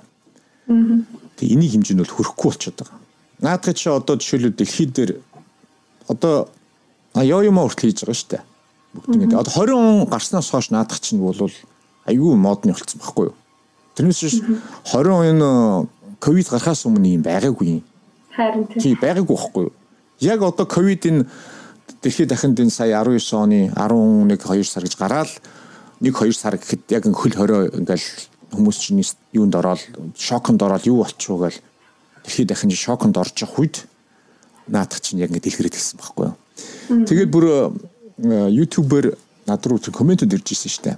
Аккаунт миний аккаунтаар явжсэн болохоор энэ хөгжимч чинь бүр 16 онд 4 жилийн өмнө энэ ковидыг төрүүлээд мэдэрсэн төрүүл төрсөн хүмүүсүүд шүү дээ. Төрүүлж мэдэрсэн байна гэдэг. Тэр чинь бас нэг жоохон комплимент өгж байгаа юм л да бас тий. Тий тэгж яаж ийсэн. Тэгэд бас цаг хугацаанаас төрүүлээд хийцэн шүү. Тэр бол яг яхаарахгүй баталгаатай үнэн. Одоо YouTube дээр нөгөө хийсэн дайршуулсан цаг хугацаа нь 2016 гэж үүдэг байхгүй? Аа Би санхан таны нөгөө буянгийн жаргалтай хүмүүст хийсэн нэг лайв үзсэн байхгүй. Тэгээд тэрэндээ таны хэлсэн санаа болохоор манай сонгодог урлагийн төвшин бол чамгүй өндөр төвшөнд явж байгаа. А гэвч яагаад манай улсад маань одоо ганц ч гэсэн тийм чанарын шаардлага хангасан акустиктай, дууралттай тийм одоо театр дээрээс нь юу заавал танхим байхгүй байгаа юм бэ. Энэ одоо манад байх шаардлагатай нэмэг хэрэгүүний зүйл шүү дээ гэж хэлжсэн. Тэгэхээр яг чухам одоо бид нэр сонгодог урлагийг Монголдо хөгжүүлэхийн тулд бид нар яг юу юун дээр анхаарах хэрэгтэй юм бэ? Аудиторими чинь ерөөсөө энгийн санаа нь бол гарч идэнэ л гэсэн үг шүү дээ. Одоо гарч идэнгийн цайрыг ингээд авчаад чийдэнгийн тусахаар зүгээр ялтоосон юм гэрэлдэг тийм үү? Артлын толийг хийхээр чийдэнгийн чинь юу ингээд их гоё хүчтэй болдог штэ. Тэгэхээр а энэ дууны авиа акустик гэдэг чинь гэрэл шиг тэгж ойж явдаг. А манай дөөрийн театрын одоо заал бол заал нь өөрөө гоё тийм ээ. А гэхдээ эн чин инженерийн бүтээл нь а дүүрт зориулсан байхгүй юу? Энэ бол аудитори биш. А тийм учраас а тэр яам гэж ярьдаг хөгжимчдийн яам чинь заалан дотроо байрладаг. Доор л байгаа болохоос тэр чинь үндсэндээ бол тэр тайзны ийм хязгаарлалын наана байдаг байхгүй юу? А хязгаарынхаа цааталт нь дуучт нь байдаг ш. Нааш ингээд ухаад гараад ирсэн байдаг да тайз чинь тийм ээ. Тэрний доор яам сууж байгаа сууж. Тэгэхээр чин тэр яамнаас дуурч байгаа хөгжимч яг чанга дэшгээ заалынхаа таазар тэр таазар бүр ингээд дээгүүр хөвөөд явах нь шүү дээ. Ингэж тэгээд эн чинь ингээд дуурна оркестрийн инструмент одоо хөгжмийн бүтээлүүдийг тайзан дээр тоолохоор зэрэг тэр бүтээл чинь тэр заал руугаа явах биш. Чи бол дөөрийн театрын ардын тайзны арыг бол мэдэн штэ. Мэднэ. Тэр чинь тэр том хөшиг тэр чигээрээ дээшээгаар явцдаг штэ. Аа. Тэр чинь ингээ ороод байгаа биш шүү дээ. Яг босоогоор дээш явж байгаа. Аа. Тэгэж боддоо. Тэр заалны дээр дахиад нэг заал байна гэсэн үг шүү дээ. Тэгээд ядчих тэгээ тойруулаад дүүрэн даав тий. Даавуу чин дууг намсгачдаг. Аа. Бөөм тэгээ дээр нь бүр ингэ чимжийнгээд маар л өлөгчдөг. Тэгээ нэг юм хөгжимчдий чинь тэр хөдөлмөр гарахгүй байхгүй юу? Тэр тайзны чинь хоёр талд нь бас кулисийн ард гэж баастыг том том тэр дөөрий чинь арын чимэглэн тэр чигээр гулгаад орчдөг. Бас тийм том зай байна. Ингээд явхаар чин зэрэг тэр драмын буюу жүжигийн дөөр гэдэг чинь үндсэндээ дуулдаг л жүжиг шүү дээ ялгаагүй. Тийм чин жүжиглэлт явж байгаа ш. Тэгээ тэр чин гол юм дээр тайз тэр жүжиг аа хөгжим урталтаа заалан дотор явж байгаа. Тэгээд Монголд аудиторийн пролог нь энэ байгаа байхгүй. Тэгээд нөгөө хөгжмийн уран бүтээл болохоор нөгөө дөөрийн театр дээр чин тайзан дээр нь гараад болохоор нөгөө хөгжимчдийн чин тал тал байтга талаас илүү ч бараг тэр нөгөө даавнууд руу шингэчихэд байгаа гэсэн наашга одоо нөгөө үзэгч рүү орж ирэхгүй байхгүй. Тал нь алга болчихж байгаа байхгүй. Тэгээд нэг тийм гачин султайсан юм дуурайдаг байхгүй. Тэрс манай Монголын хөгжимчдийн чадал чансаа мундгөө. Ягаад би мундг вөхөр тэр бас ингээд би ч бас Америкээс нэг Нью-Йоркийн өдөрдөөч авчирч тоглуулж ирсэн. Тэгээд сүүлд нь би тэр өдөрдөөч яриад гэж. Өө Монголын хөгжимч айгүй юм гяс гэж байхгүй. Айгүй практиктэй. Айгүй сайн чанартай байна. Гэтэ танад үнэхээр нэг дууралтын асуудал байна гэж байгаа. Өөрөө мэдчихлээсэн л да бас л тийм. Аа тэгээд би тэр торгон замаар энэ тэнт аягүй олон заалаар орж үзчихсэн. Маш олон зал. Тэгээд бүр дөөрийн театрт хүртэл бид тоглож ирсэн. Гэхдээ дөөрийн театр нэг өдрийн дотор аудиториум болгоод хувиргачихж байгаа байхгүй юу? Тэгээд тэр яадсан гэхээр зэрэг зүгээр юм тэр заалыг дээр доошоо явдаг тэр том зайг нь хагаал яг л Бракстрои тийм аудиториум болгочихж байгаа байхгүй. Тэгээд энэ таст. Гэхдээ тэрийг бол мэдээж хэрэг хүн хар ухаанаар Монгол можааны ухаанаар хийж хийж болохгүй шүү дээ. Энэ чинь аудио инженер тэр инженер хүмүүсийн тэр дуу хэмжигч тими одоо мэдээж инженер хүн урьж ээж яг Монголд бүхэл бүтэн аудиторийн барилга барьдаг юм аа гэхэд дуурайхан театрыг аудитор болгочих convertible болгочих байхгүй юу. Ингэчихэд манай оркестр гараад тэр 5 дугаар симфони тоглоно уу Моцартын 40-ийг тоглоо. Пөө. Өнөө ойлгохгүйгээд яриаддаг усууд чинь ороод хөгжмийг бол нэг заавал нэг ойлгох гэдэг хэрэг хүмүүс хөгжим чи хүн нөгөө ингээд гоё үнэрлэх хэрэгтэй байхгүй юу? Хамсах хэрэгтэй байхгүй юу? Хөгжим ер нь урлаг гэдэг чинь юм цэцэг шиг юм гоё юм анхлын үнэр шиг юм шигтэй ийм л байгаа тэрийг мэдрэхэд л болно. Тэгэхээр заавал за би одоо боловсрал мот ерөөс ойлгохгүй байна ч одоо гэд ингээд ах юм ширэхгүй байгаа шүү дээ. Тий.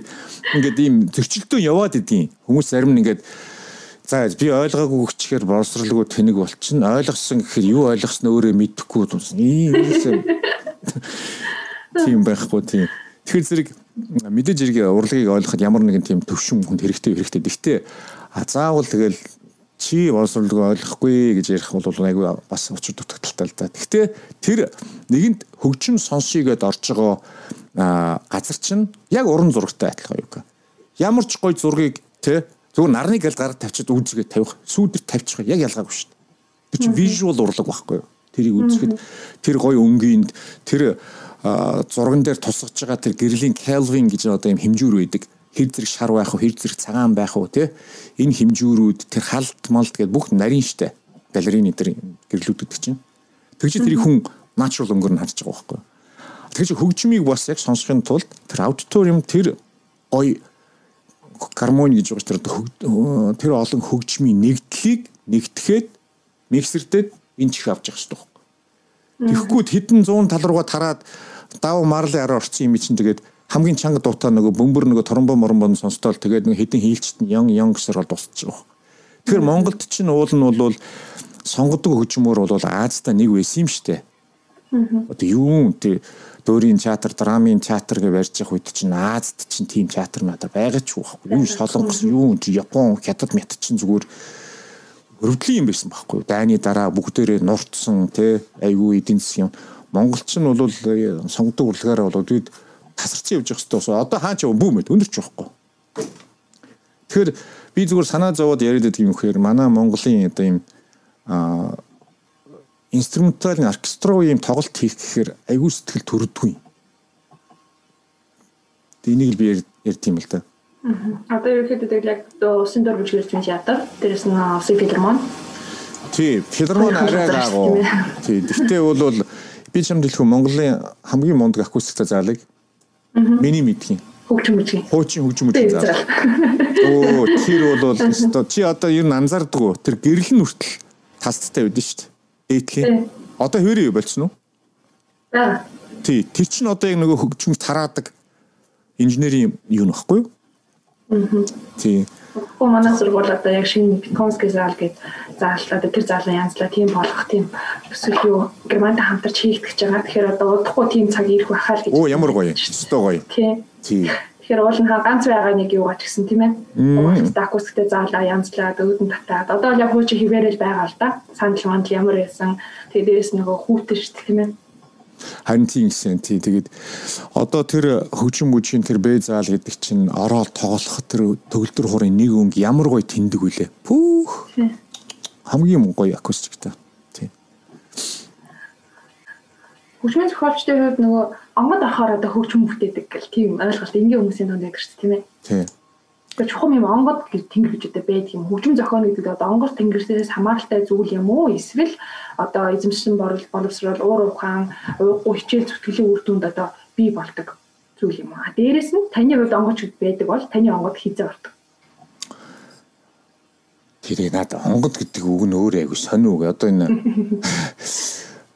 тэр онгодоо дуудна энэ төр гэл бөө мөө энэ төр байдаг бах та одоо тэгэд энэ хөгжмийн ганц хөгжим зохиолч биш үү? Ер нь бол тэр зураач, тэр яруу найрагч тийм ээ. Одоо энэ ер нь урлагаар илэрхийлэх энэ энэ урлаг ерөөс урлагийн л хүнд байна л да уран бүтээлч нар. Энэ чинь уул нь бол тархины нөгөө сэтгэлийн хөөрлөөс л гарч байгаа нэг юм тийм процесс явагдаад байгаа юм л да. Тэрийг нөгөө онгод гэсэн нөгөө ойлголтоор ерөнхийд нь ингээд тайлбарлал яваад байна л да. Гэхдээ одоо хүнд бол хамгийн ойрхон ойлголт нь тэр онгод гэж явчихж байгаа юм. Тэгэхээр тэрийг бол одоо онгод байдгүй маа гэд байдаг гэдэг ингээд маргаад тахтаа бол зүгээр утга нь бол үндсэндээ бол аа хүний амьдрал дандаа л ингээл янз янзын юм тохиолддог. Баярлан гомд ингээл за тэгэл нөгөө хагцсан хайрлан тайл ганцаардна тий энэ болгоноос ч юм uuсэн. Тэгтээ тэгтээ дандаа тэгж бүтээдэг үгүй үгүй байхгүй. Үгүй шүү дээ. Түүхэнд юу юм Мона Лизаг онгодоор зурсан юм уу? Гэлэнчлээгүй шүү дээ. Захиалгаар зурчихсан байна.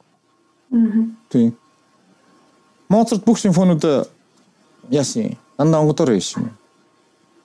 Хайден тэр болон симфонууд гэж хийсэн юм уу? Үгүй шүү дээ. Тэгэхээр зэрэг уран бүтээлч хүний хийгээд байгаа уран бүтээлч өөрөө бас тэр хүний амжиргааны ажил нь багхгүй юу? Ажил хийж байгаа багхгүй бас ажил ажил дотор айгүй хүн хөдөлмөр. Яагаад би хүн хөдөлмөр гэж байгаа вөхөр зэрэг цагийн хувааргүй ажилдаг. Аа. Тий одоо баримлч нь байна уу, уран зураач нь байна уу, хөгжим зохиолч нь байна уу тийм ээ? цагийн хуваар байхгүй. Амар замбраагүй амьдралынхаа маш их цагийг болвол ингээд хүмүүс амтд унтчих, амарчих, баярлчих, марилчих тэр уран бүтээлч бол тэндээ гашлаа сууж идэг. Аа. Бидний ч хамаагүй тийм ээ. За голчлоо одоо шүн их сууч шээ. Ягаад гэвэл нөгөө садаа болох орчин тойрон баг болдог учраас аа тэрэнд нь илүү дуртай байдаг баг. Тий тэгэхээр зэрэг нийтлэг нэг ойлголт яваад байдгийн урлын айгу ам айгу гоё ингээл дуртай юмаа хийгээл нэхгүй ингээд enjoy-дол тэгэл амьдрал ингээ яваад байдаг гэдэг нэг ойлголт яваад байгаа юм л та.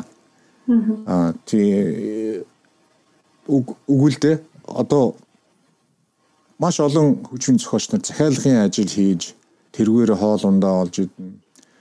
А хөгжимчд ялгаагүй шүү дээ. Концертын гэрээ аавн те тэр чинь нэг талаас нэг гоё боловч хүмүүсийн өмнө гараад нөгөө талаас ямар их хөдөлмөр, ямар их сэтгэл зүй төвчээр шаардсан, ямар их амьдралын одоо юм артлаа ингэж хүмүүс орхиж те.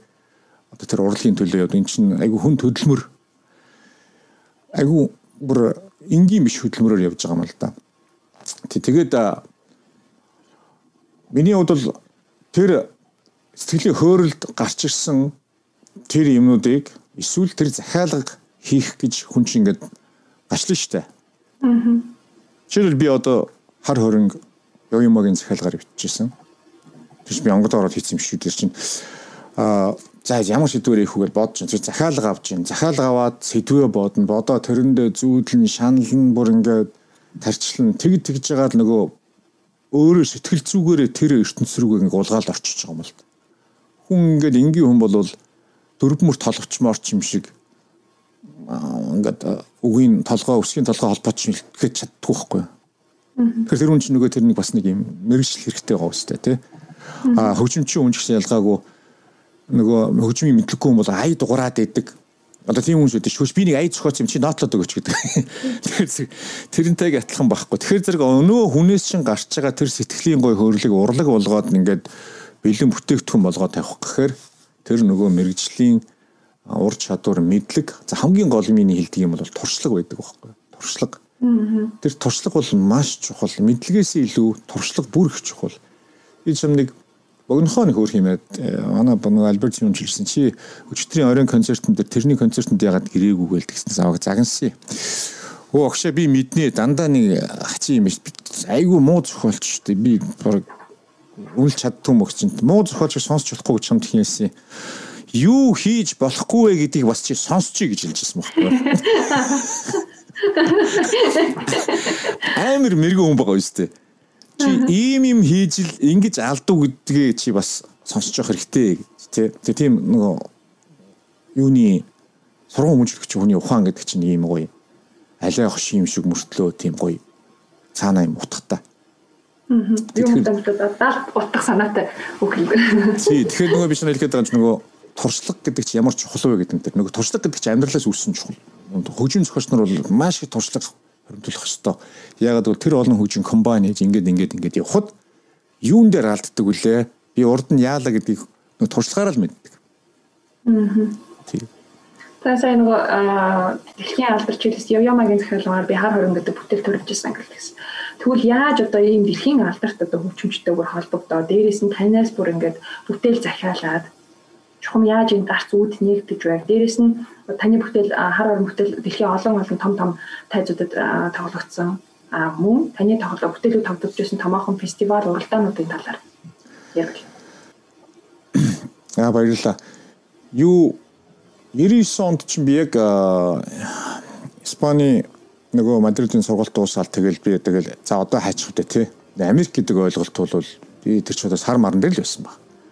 Тэгэл за одоо боллоо одоо би ч одоо үндсэндээ Москвагийн консерватор 8 жил сураад дахиад Испанд 2 жил ингээд бараг амьдралынхаа 10 жилийг хөгжим зохио ухаанд өгч одоо болио те нутаг уцыг гээд. Тэгээ явсан юм. Тэгээд Монгол дээрэл өө сайхан Монгол ирсэн чинь туурын төвөр төвөр ингээд нөгөө хөгжим наадам маадам гарчсан их гоё тэр үед ч нэг юм бараг Монголын нэг ренессанс үе шиг санагддаг ус их гоё тийм бүх юм ингээд шинэгчлэгтэй амар гоё болов. Тий, тэгээд яг тэр жилдээ би зун нэрэл нам алтан намраар нь би төгөлдрөөрийн бүтээлүүдээс оролцсон санагддаг юм аа.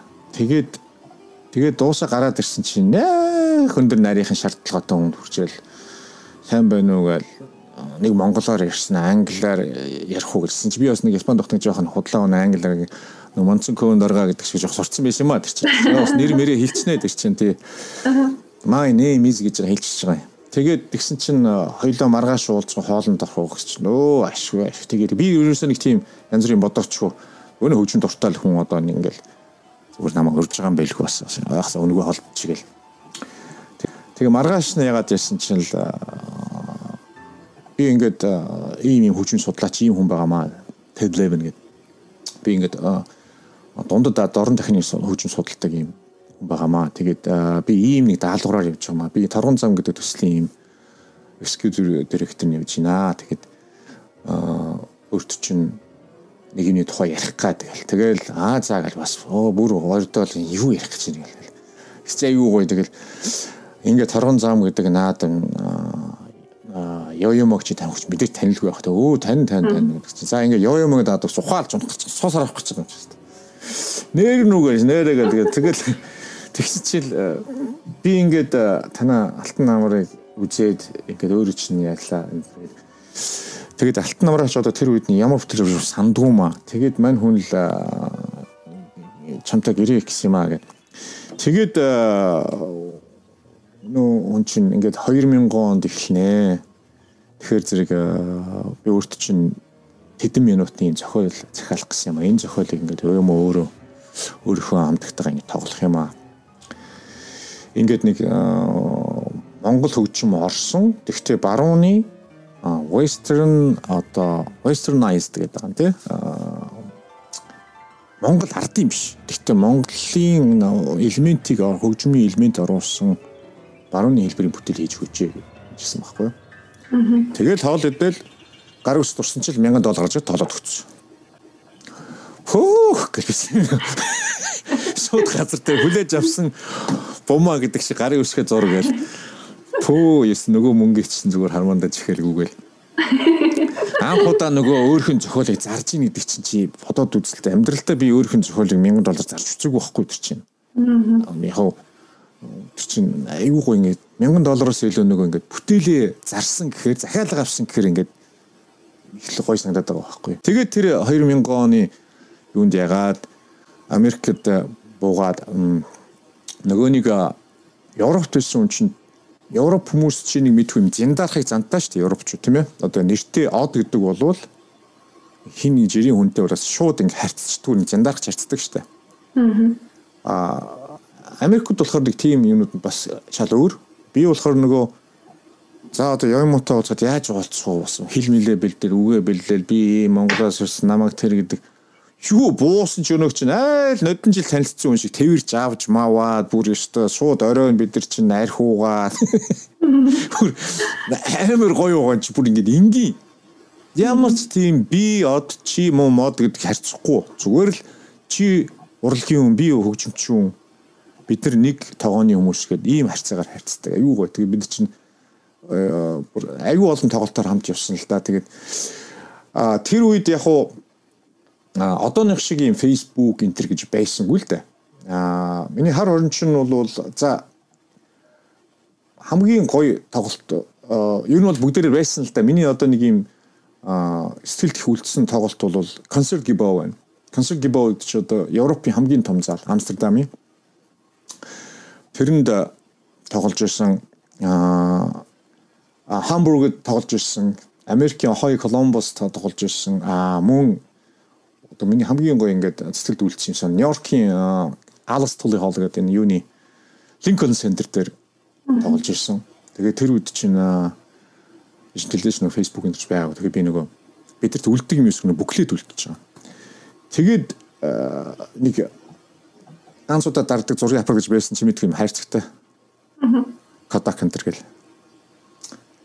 Тэргээр зурга дараа хийсэн чи өнөө юуных нь заалан security гарч шууд мушгаад мушгаад юу тэр чинь чи торгон чамаа торгон энэ төр гээд. Энэ Америкт энэ юм чи айгүй амар хатууч нэ копирайтны асуудал нь. Тэгээд тэднэр дотроос би нэгч бичлэг байдгүй. Ерөөсөн. Тэгэл дуссан ганцхан буклетүүд нь л үлдсэн. Аа та найруулагч Бямбатай хамтраад олон уран бүтээл кинон дээр ажилласан шүү дээ тийм ээ сүүл гэхэд одоо хэвтрийн хүн киноны хөгжмийн зохиолч ярьж харагдсан. Дээрээс нь жүжигийн гамдэр жүжигийн хөгжмийн зохиолч ярьжсэн тийм ээ. А тэгэхээр яг киноны хөгжим одоо жүжигийн хөгжим одоо бусад хөгжмийн бүтээл дээр ажиллахаас юугаараа ялгаатай дээрээс нь юугаараа онцлогтой байдаг юм бэ?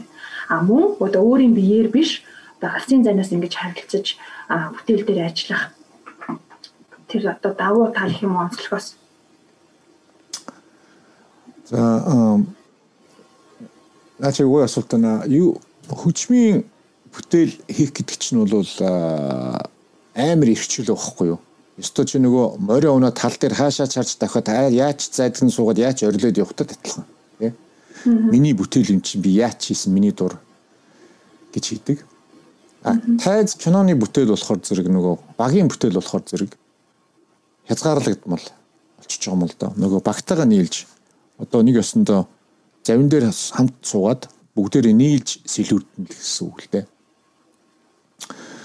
Тэгэхээр чин зэрэг тэгж бие дааж хийх боломжгүй болчоод аа одоо тэр киноны найруулагч киноны найруулагч бол аа тайзын найруулагч бол тайзын найруулагчтайгаа тохиржээж тэр хүний санаа юунд байсан миний санаа юунд байгаа энэ энэнийг айл айлны аа юу яадаг хоорондоо харьцаж нөгөөтгөө хийдэг тий.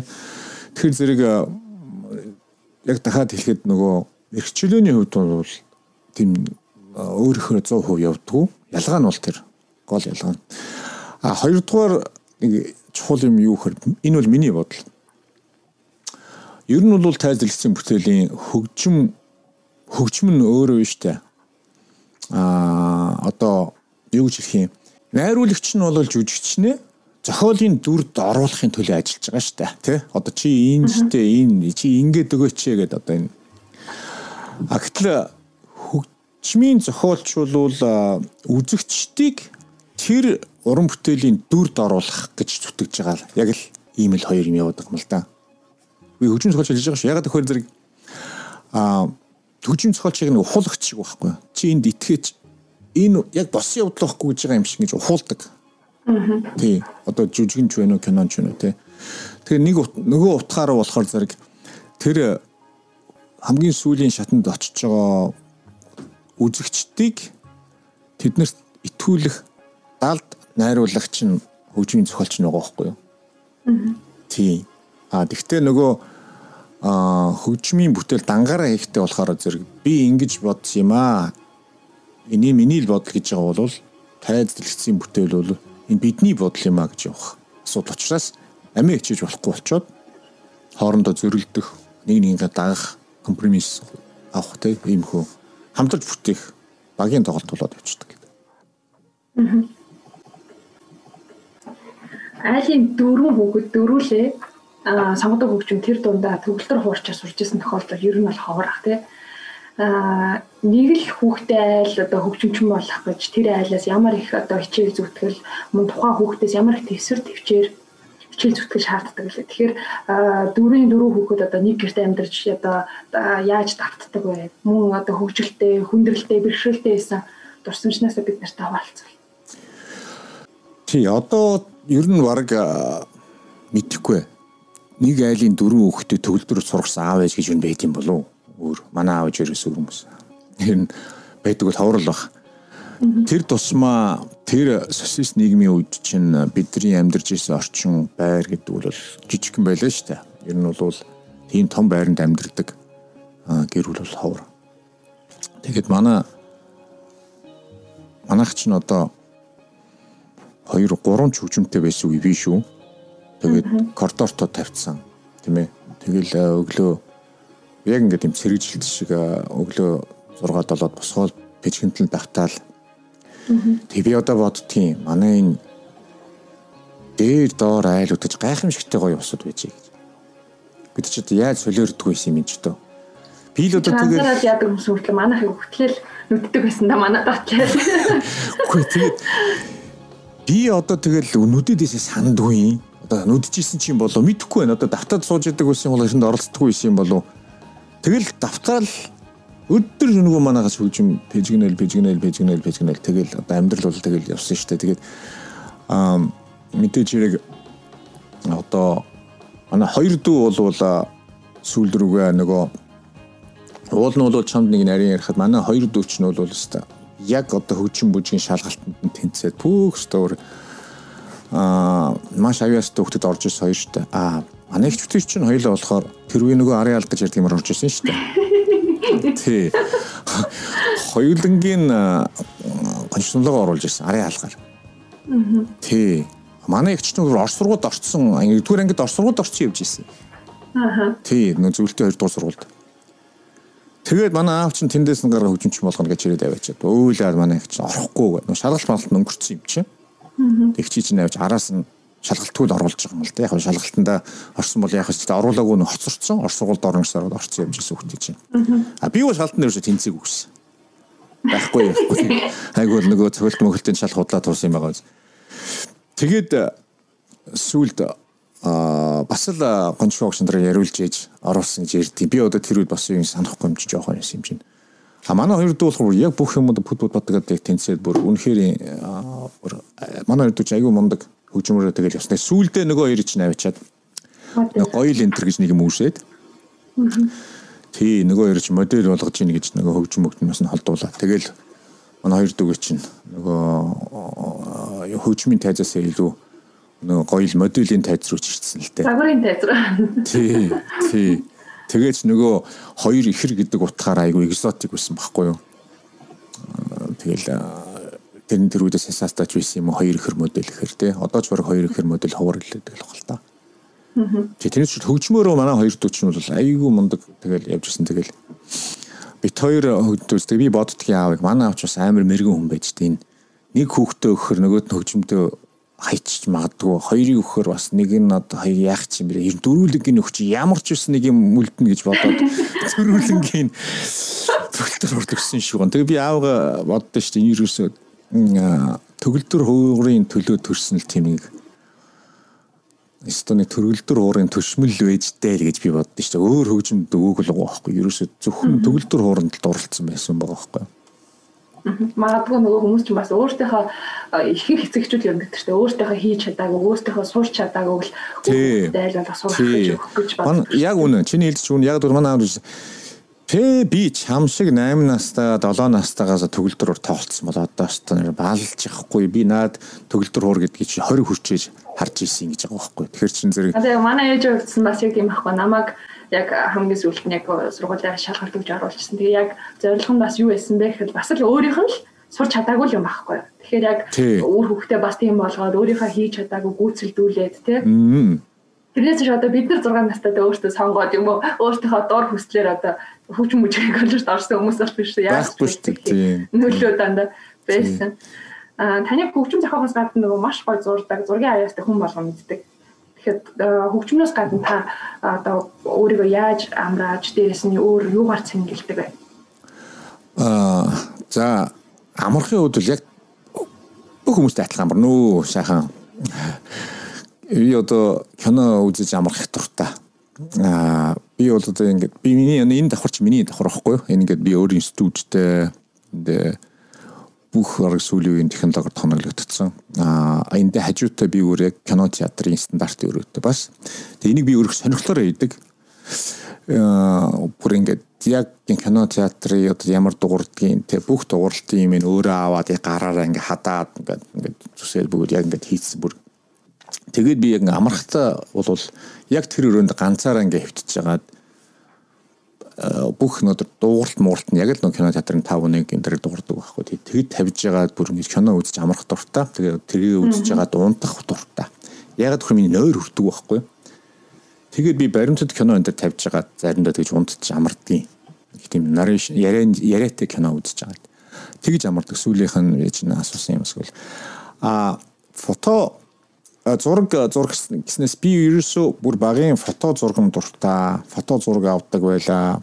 Бүр дээр үеийн домог болсон тэр нэг пионер пионер гэдэг аппарат сүүлд нь зенит эндэрх аппараттай энэ болж одоо ангийнхныга зургийг бүгдийг нь авсан би өөрөө байдаг. Манай ангийн хүмүүс бүгдээр гоё зурагтай. Төгжин бүжгийн зураг. Миний хайгуу хоор яг би нөгөө өөрөө дарааддаг гэсэн учраас. Тий, тэгээд а зураг бол манай ээж өвлөс юм баггүй. Манай ээж чинь өстой аюулын гой зурдаг хүн шүү дээ. Тэгээд одоо яг тэгэлийнх нь нас өндөр болоод зурхаа байцсан л та. Тэгээд ер нь бол залуудаа зурдаг. Тийм зургийн дугуйлан муугууланд явж байсан. Өөрөө тэгэл балын харандаа тэр натюрморт энэ төр зурдаг. Тэгээд надад тэрс анх би одоо тийм зургийн сургуульд яваагүй шүү дээ. Аа ээж надад ингээд гэрэл тусгаар энэ талаас нь гэрэл ойдгийн сүдрийн байдгийн гэдэг ингээл надад зааж өгдөг л да. Тэгээд миний зургийн багш ээж байхгүй юу. Тэгээд ээжээс авч үлдсэн юм болоо би бараг л манай аав чинь чи шагалт монголтой муу гэдэг чамаг 8-аас чангаар дүрсгт оруулна гэд намайг өөр ойлуулж байсан төх байдэн штэ. Би хөгжим хүчээс гарахгүйгээд айгу дуртай гэсэн мөртлөө өнөөх чинь зураг зурсаар байгаа тэгчээрээс хоцроод айгу асуудалд орчдөг. Аа. Тий, тэгээ миний ам чинь ингээл харалтсан ингээд нөгөө усан модоор зурж явахдаа усаас олохоос бүр ингээд боч чаддгүй зургаас салж чаддгүй. Тэгээд сүүлдээ шүсэндээ ингэж байгаа зураад төгсөн байхгүй. Тэгсээр бол ингээд ингээд хар хөхлөн болцсон байдаг юусэн. Зураг бол миний бүр ингээд бүр хөгжмөөс өмнө дөрөв настайгаас би зурсан зургууд манай хадгалсан байдаг тийм.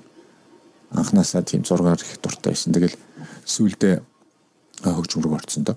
Тэгээд хөгжмөж тоглол 6 зур би чадна гэсээр бол намайг нэр дүрсгт урагшлалт оруулчихъя гэж хэлсэн удаа байдгийн. 8 төгсөлт нөгөө дүрсгүрлийн багш нар ч манай аавтай гэрт ирээд тэгээд нөгөө аав ч онгороод нүуний хамаг зурсан зургууд үзүүлсэн чинь пэ манай сургууль юу хөгжим гэж хэрэггүй наатахаа айлу манайхаар аваа юу гэл? гэдэг байсан. Тий тэгээ багын л нэг тийм зурдаг. Аа яг зураг дагаад тэгээ сүулдэ фото гэж болсон бол одоо би тэгээ түрүүн чамд хэллээ те нэг жоохон богино хэмжээний кино хийж үзчихсэн. Аа. Тий. Тэгээ ч дүрс талын нөгөө хөгжим зохиогтор ярьжсэн шүү дээ ингээл яг ингээд толгойд байгаа мөртлөө гарахгүй гацчдаг гашилчдаг тийм үе байдаг. Тэгвэл яг тухайн одоо энэ хөгжим зохиолж байгаа нөхцөл хөгжмийн зохиолж тухайн нөхцлөөс одоо хэрхэн гарах хэрэгтэй. Аа. Аач ястагоо яасан. Бүр байгаа. Би одоо нэг бүтээлтэй Би ер нь бол хийж гарах гэж байгаа бүтээлээ хүмүүс ярьдаг юм л миний л угаасаа зан ягаад төхрийн нөгөө төрөөгөө их төмөр үлгээ гэж. Ямар ч бүтээл дээр ямар нэгэн байдлаар шин юм хийх гэж. Тэрэндээ их төөрдөг байхгүй. Тэгээд бүр тэрийг таг хаяад шал өөр юм хийж хийж байгаад нөгөө төргөө оронгууд нөгөө чихчин ингээ гоо сэргээд энд болохгүй юм биш үү өө энэ би алдаа ээж ээж энэ дими байсан юм энэ шаал тэнийг юм болж исэн юм биш үү энэ чинь ямар тэнийг юм ингээд хасаад энд энэ дутчихээж ягээд ингэж явдаг л да тэгээ заримдаа нэг орчхороо зэрэг бүр салхаа байчин бүр эсэргээрээ салж өгөхгүй. Тэгээ тэр үедүүд үед бол аюу ингээд хурдан хурдан яваал байдаг те. А тэгээ яг түрнээр гацчдаг үед нь болохоор гол төлөв миний гацдаг юмуд бол нөгөө ямар нэгэн байдлаар шин юм хийх одоо эксперимент хийж явах үедээ бол өөртөө ихтгэлгүй байдаас бол гацчихдаг байхгүй. Аа. Тэгээ энэ болддог болоо болддог болоо болддог болоо гэсээр байгаа сүулдэ тэр бодолтой ядраад тэгээд ингээд гацна. Тий. Тэгээ зүгээр тэрнээс хэсэг хугацаанд салаад тэгээд эргээд нөгөөтгдөг уучрахаар зэрэг гоё өгдөг байхгүй. Тэгж шийддэг. Аа. Тий. Хөвшин зохиолчтой хувьд аа орлогынхаа одоо их усүрийг хэрхэн бий болгодог вэ? Дээрээс нь хөгжим зохиогоод мэрэгжлийн бүтээлд хувираад хангалттай амьдрах боломжтой юу? Эсвэл боломжгүй байна уу? Хүн бол ер нь тэгээд яг одоо амьдрч байгаа юм чи мэдээж орлого их хэрэгтэй. Хөгжмийн зохиолч тэр дотроо болвол тэр болгын хөгжмийн зохиолоор амьдралынхаа орлогыг олно гэхэд маш хэцүү. Угаасаа энэ урлагийн бүтээлч айгу харьцангуй ойлголт тэг хүнд таалагддаг таалагдахгүй гэдэг нь айгүй таашгүй байдаг учраас тэр болгон бол яг тэрүүгээр амьдрахад хэцүү л дээ. Тэгэхээр зэрэг ямар ч үед хөгжим зохиолч нар бол хажуугаар нь давхар ажил хийж амьдарч байсан. Түүхэнд бол маш хөгжим зохиолч нар хажуугаар нь төгөл рүүрийн хичээл заах эсвэл одоо онлайн хичээл заах ч гэдэг юм уу эсвэл одоо хүмүүсийн захиалган дээр ажиллаж тий гэж амьдралынхаа их хүсрэг олж ирсэн. Би тэдний нэг л адил яг л тэгж амжиж байгаа. Одоо миний зохиолыг өдөр болгондоо захиалаад гэдэг юм уу, жил болгоно надад захиалаад сууж идэг тийм яа надад бол аз одоо байхгүй. А тийм азтай хөгжим зохиолч тус байдаг. А том төслүүд одоо хөгжим захиалдаг, рекламны хөгжим захиалдаг. Энэ бол маш их мэдээж хэрэг Аз бас авшаа. Над бол тийм байхгүй зүгээр би зохиолоо бит төрдгөрө төрвээд хажуугаар нь хөгжмийн хичээл зааж тэрүүгээрээ бас амьдралын орлогын хүсрэг олдог. Орчин үеийн хөгжмийн зохиолчид тэгвэл яг юу зайлшгүй эзэмших суралцах шаардлагатай байгаа. Би яагаад энэ асуултыг асууж байгаа гэхээр хуучин шиг одоо гар бичмлэр бичээл шууд тоглолдог тэр үе бол өөр болоод өнөө үе шал өөр төвшөнд гараад ирлээ шүү дээ тийм ээ. Тэгэхээр та яг өөрөө техник технологийн өндөр одоо төвшөнд хөгжсөн газар амьдарч байгаа хүний хувьд одоо яг суралцж байгаа залуу хөгжмийн зохиолчид мөн цаашаага энэ хөгжмийн зохиолчид суралцах хүсэлтэй залуу үеийнхэндээ өгөх зөвлөгөө Ер нь аа ганц хүчин зохиолч гэлтгүй. Ер нь бол урлагийн хүн бол маш их өндөр хэлний мэдлэгтэй байх шаардлагатай. Ялангуяа одоо урлагийн хүн гэдэг чинь бол их гадагш татгш явна олон үндэстний усуудаа уулзсан хайрцсан туршлага солилцсон тийм тэгэхээр ингээд тэдний юм ингээд улаага зогсоод ах хэцүү байдаг. Тэгэхээр зэрэг хэл маш сайн суралцах шаардлагатай. Ялангуяа одоо англи хэл одоо өнөөдөр дэлхийд үндсэндээ бол ноёлчлоо. Тийм. А мэдээж орс хэл бол монголчууд бол яг ингээд нөлөө байсан учраас орсоор бол бас ингээд гадарчдаг. Тэрэн шиг англиар бас гадарчдаг хэмжээний хэлтэй болчих юм бол гадныхнаас эн тентхийн мэрэгч нэгтнүүдтэйгээ одоо нэвтрэлцэж юугаас солилцох, туршлагаас солилцоход мэдээж их дэвт болчихж байгаа. Хөгжмийн зохиолчид бүр тэр тусмаа яг тэгвэл одоо хөгжмийн зохиолч гэдэг бол бас одоо нэг одооноос 20 30 жилийн өмнөх шигэ тэр болгон одоо ингээд хөгжимчдийг гуугаад ингээд явдаггүй болчиход байна. Яг тэгвэл хэрв одоо та тэр техник сайн эзэмшиж чаддаг, компьютертэй харьцах тэр хэмжээний боловсролоо олоод авах юм бол а өөрийнхөө бүтээлийг бас ингээд а нотоо өөрөө биччихэн ерөнхий бас нэг юм хандлагыг гаргаад ирчин. За ялангуяа одоо орчин үеийн киноны хөгжмийн зохиолчд бол тэр их одоо үнэтэй оркестр, тэр их үнэтэй студи бичлэгийн студиудыг хөслөх, тэрнээс ерөнхийдөө бол продюсерүүд жоон зайс хийдэг болцсон хөгжмийн зохиолчдыг бол хэрүү одоо компьютер дээр ингээд хөгжмийн дууралтыг маш өндөр чанарын дууралтаар гаргаж чаддаг илүү одоо мөнгөнд хэмнэлттэй болдгийн санхүүтэй холбоотой болсон л доо. Тийм.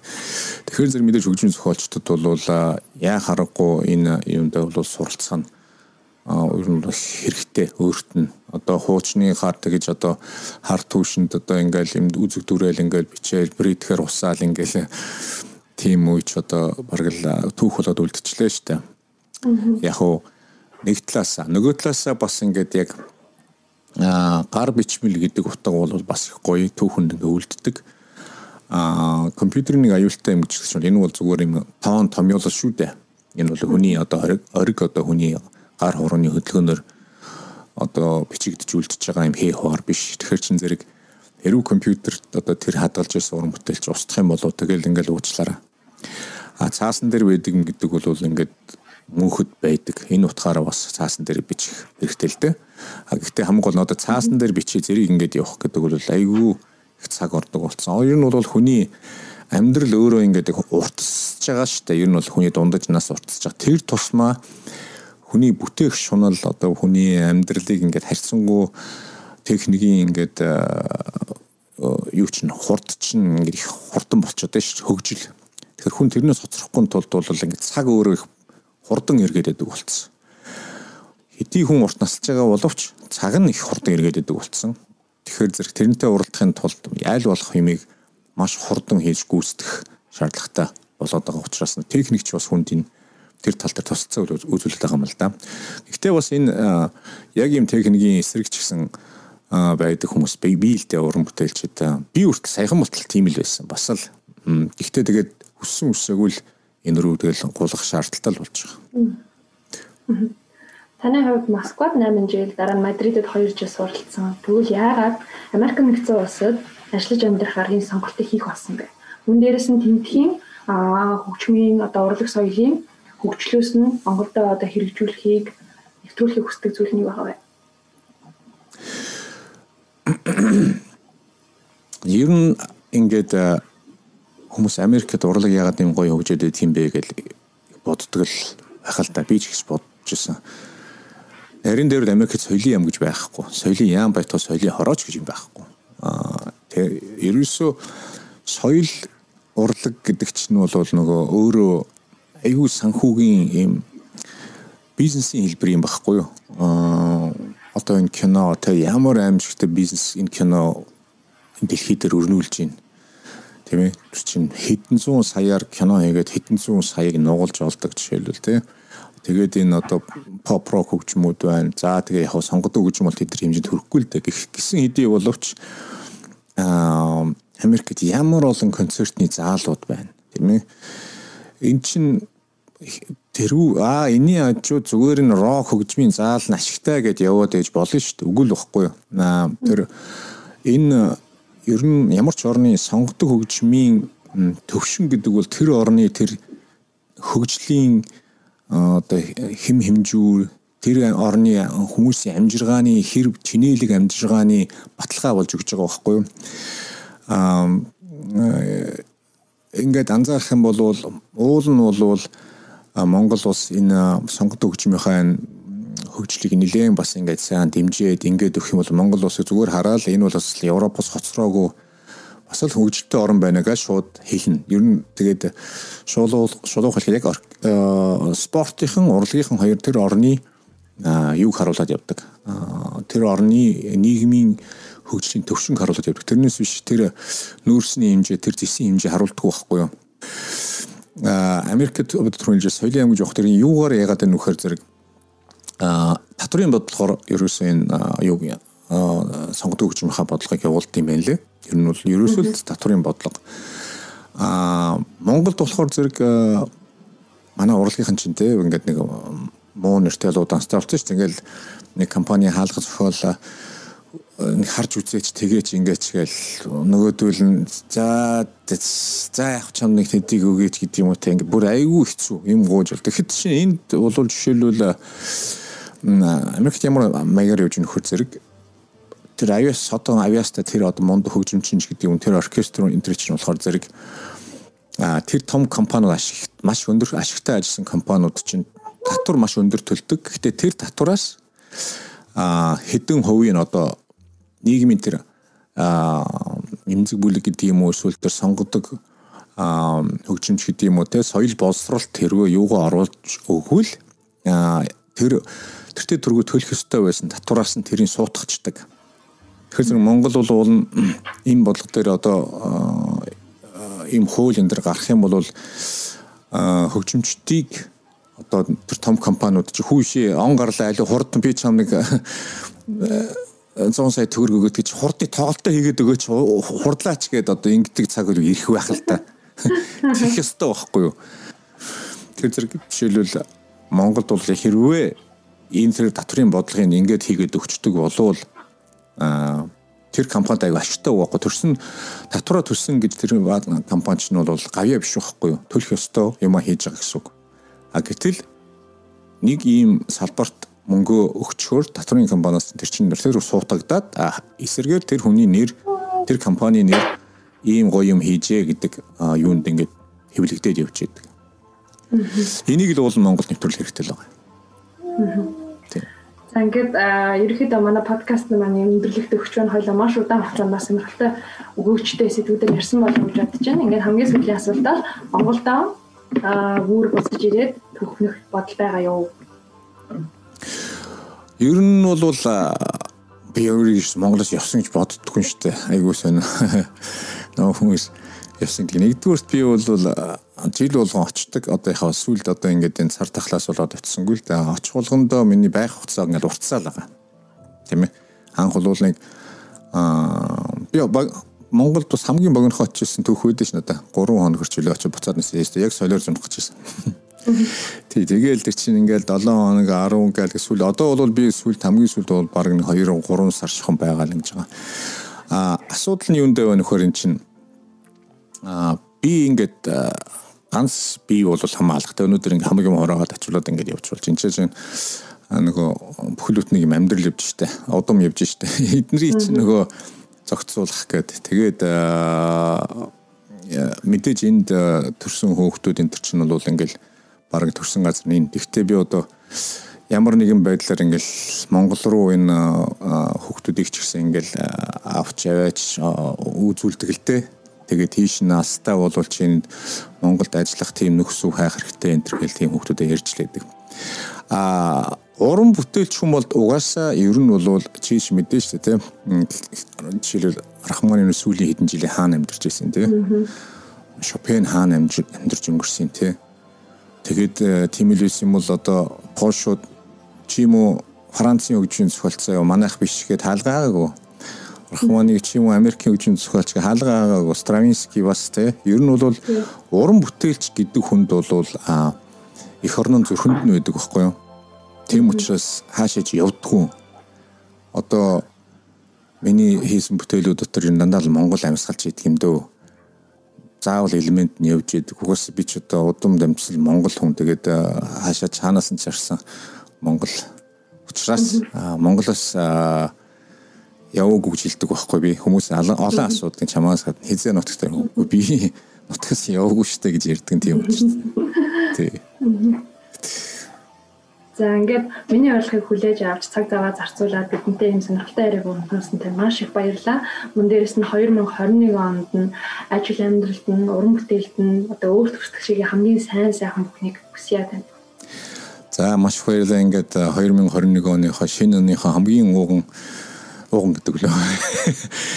Эм дугаартаа урьж оролцсоосонд маш баярлалаа. Тэгээд бас ийм одоо мэрэгжлийн төвчний ингээд урлагийн тухай ярилцах ийм гоё төсөл чи ингээд өөрөө санаачлаад ойлгож чинь чамаг бол ингээд өөрийнхөө хүслээр монголчуудаа бас өнөөдөр сонсохгүй ч гэсэн магадгүй одоо 5 10 жилийн дараа 20 жилийн дараа энийг чинь сонсож эндээс маш олон Монголын мэрэгжлийн одоо урлагийн бас тий мэдгэдэгхүүнүүд үлдэх тийм түүх юмнууд чамайг би хийж яваад маш баярлж байна. Тэгээд ажилд чинь маш амжилт хүсье. Маш олон Монголынхаа урлагт зүтгэж яваа хүмүүстэйгээ ярилцаад тэднэрийг ингээ түүхэнд үлдээгээсэ гэж хүсэн өрөөё. Аа. Тэр маш их баярлалаа. За ингээд манай классик амжилт подкастын маань 7 дахь удаагийн дугаар та бүхэнд хүрэлээ. Дараагийн дугаар уулзлаа. Баяр таа. Баяр таа.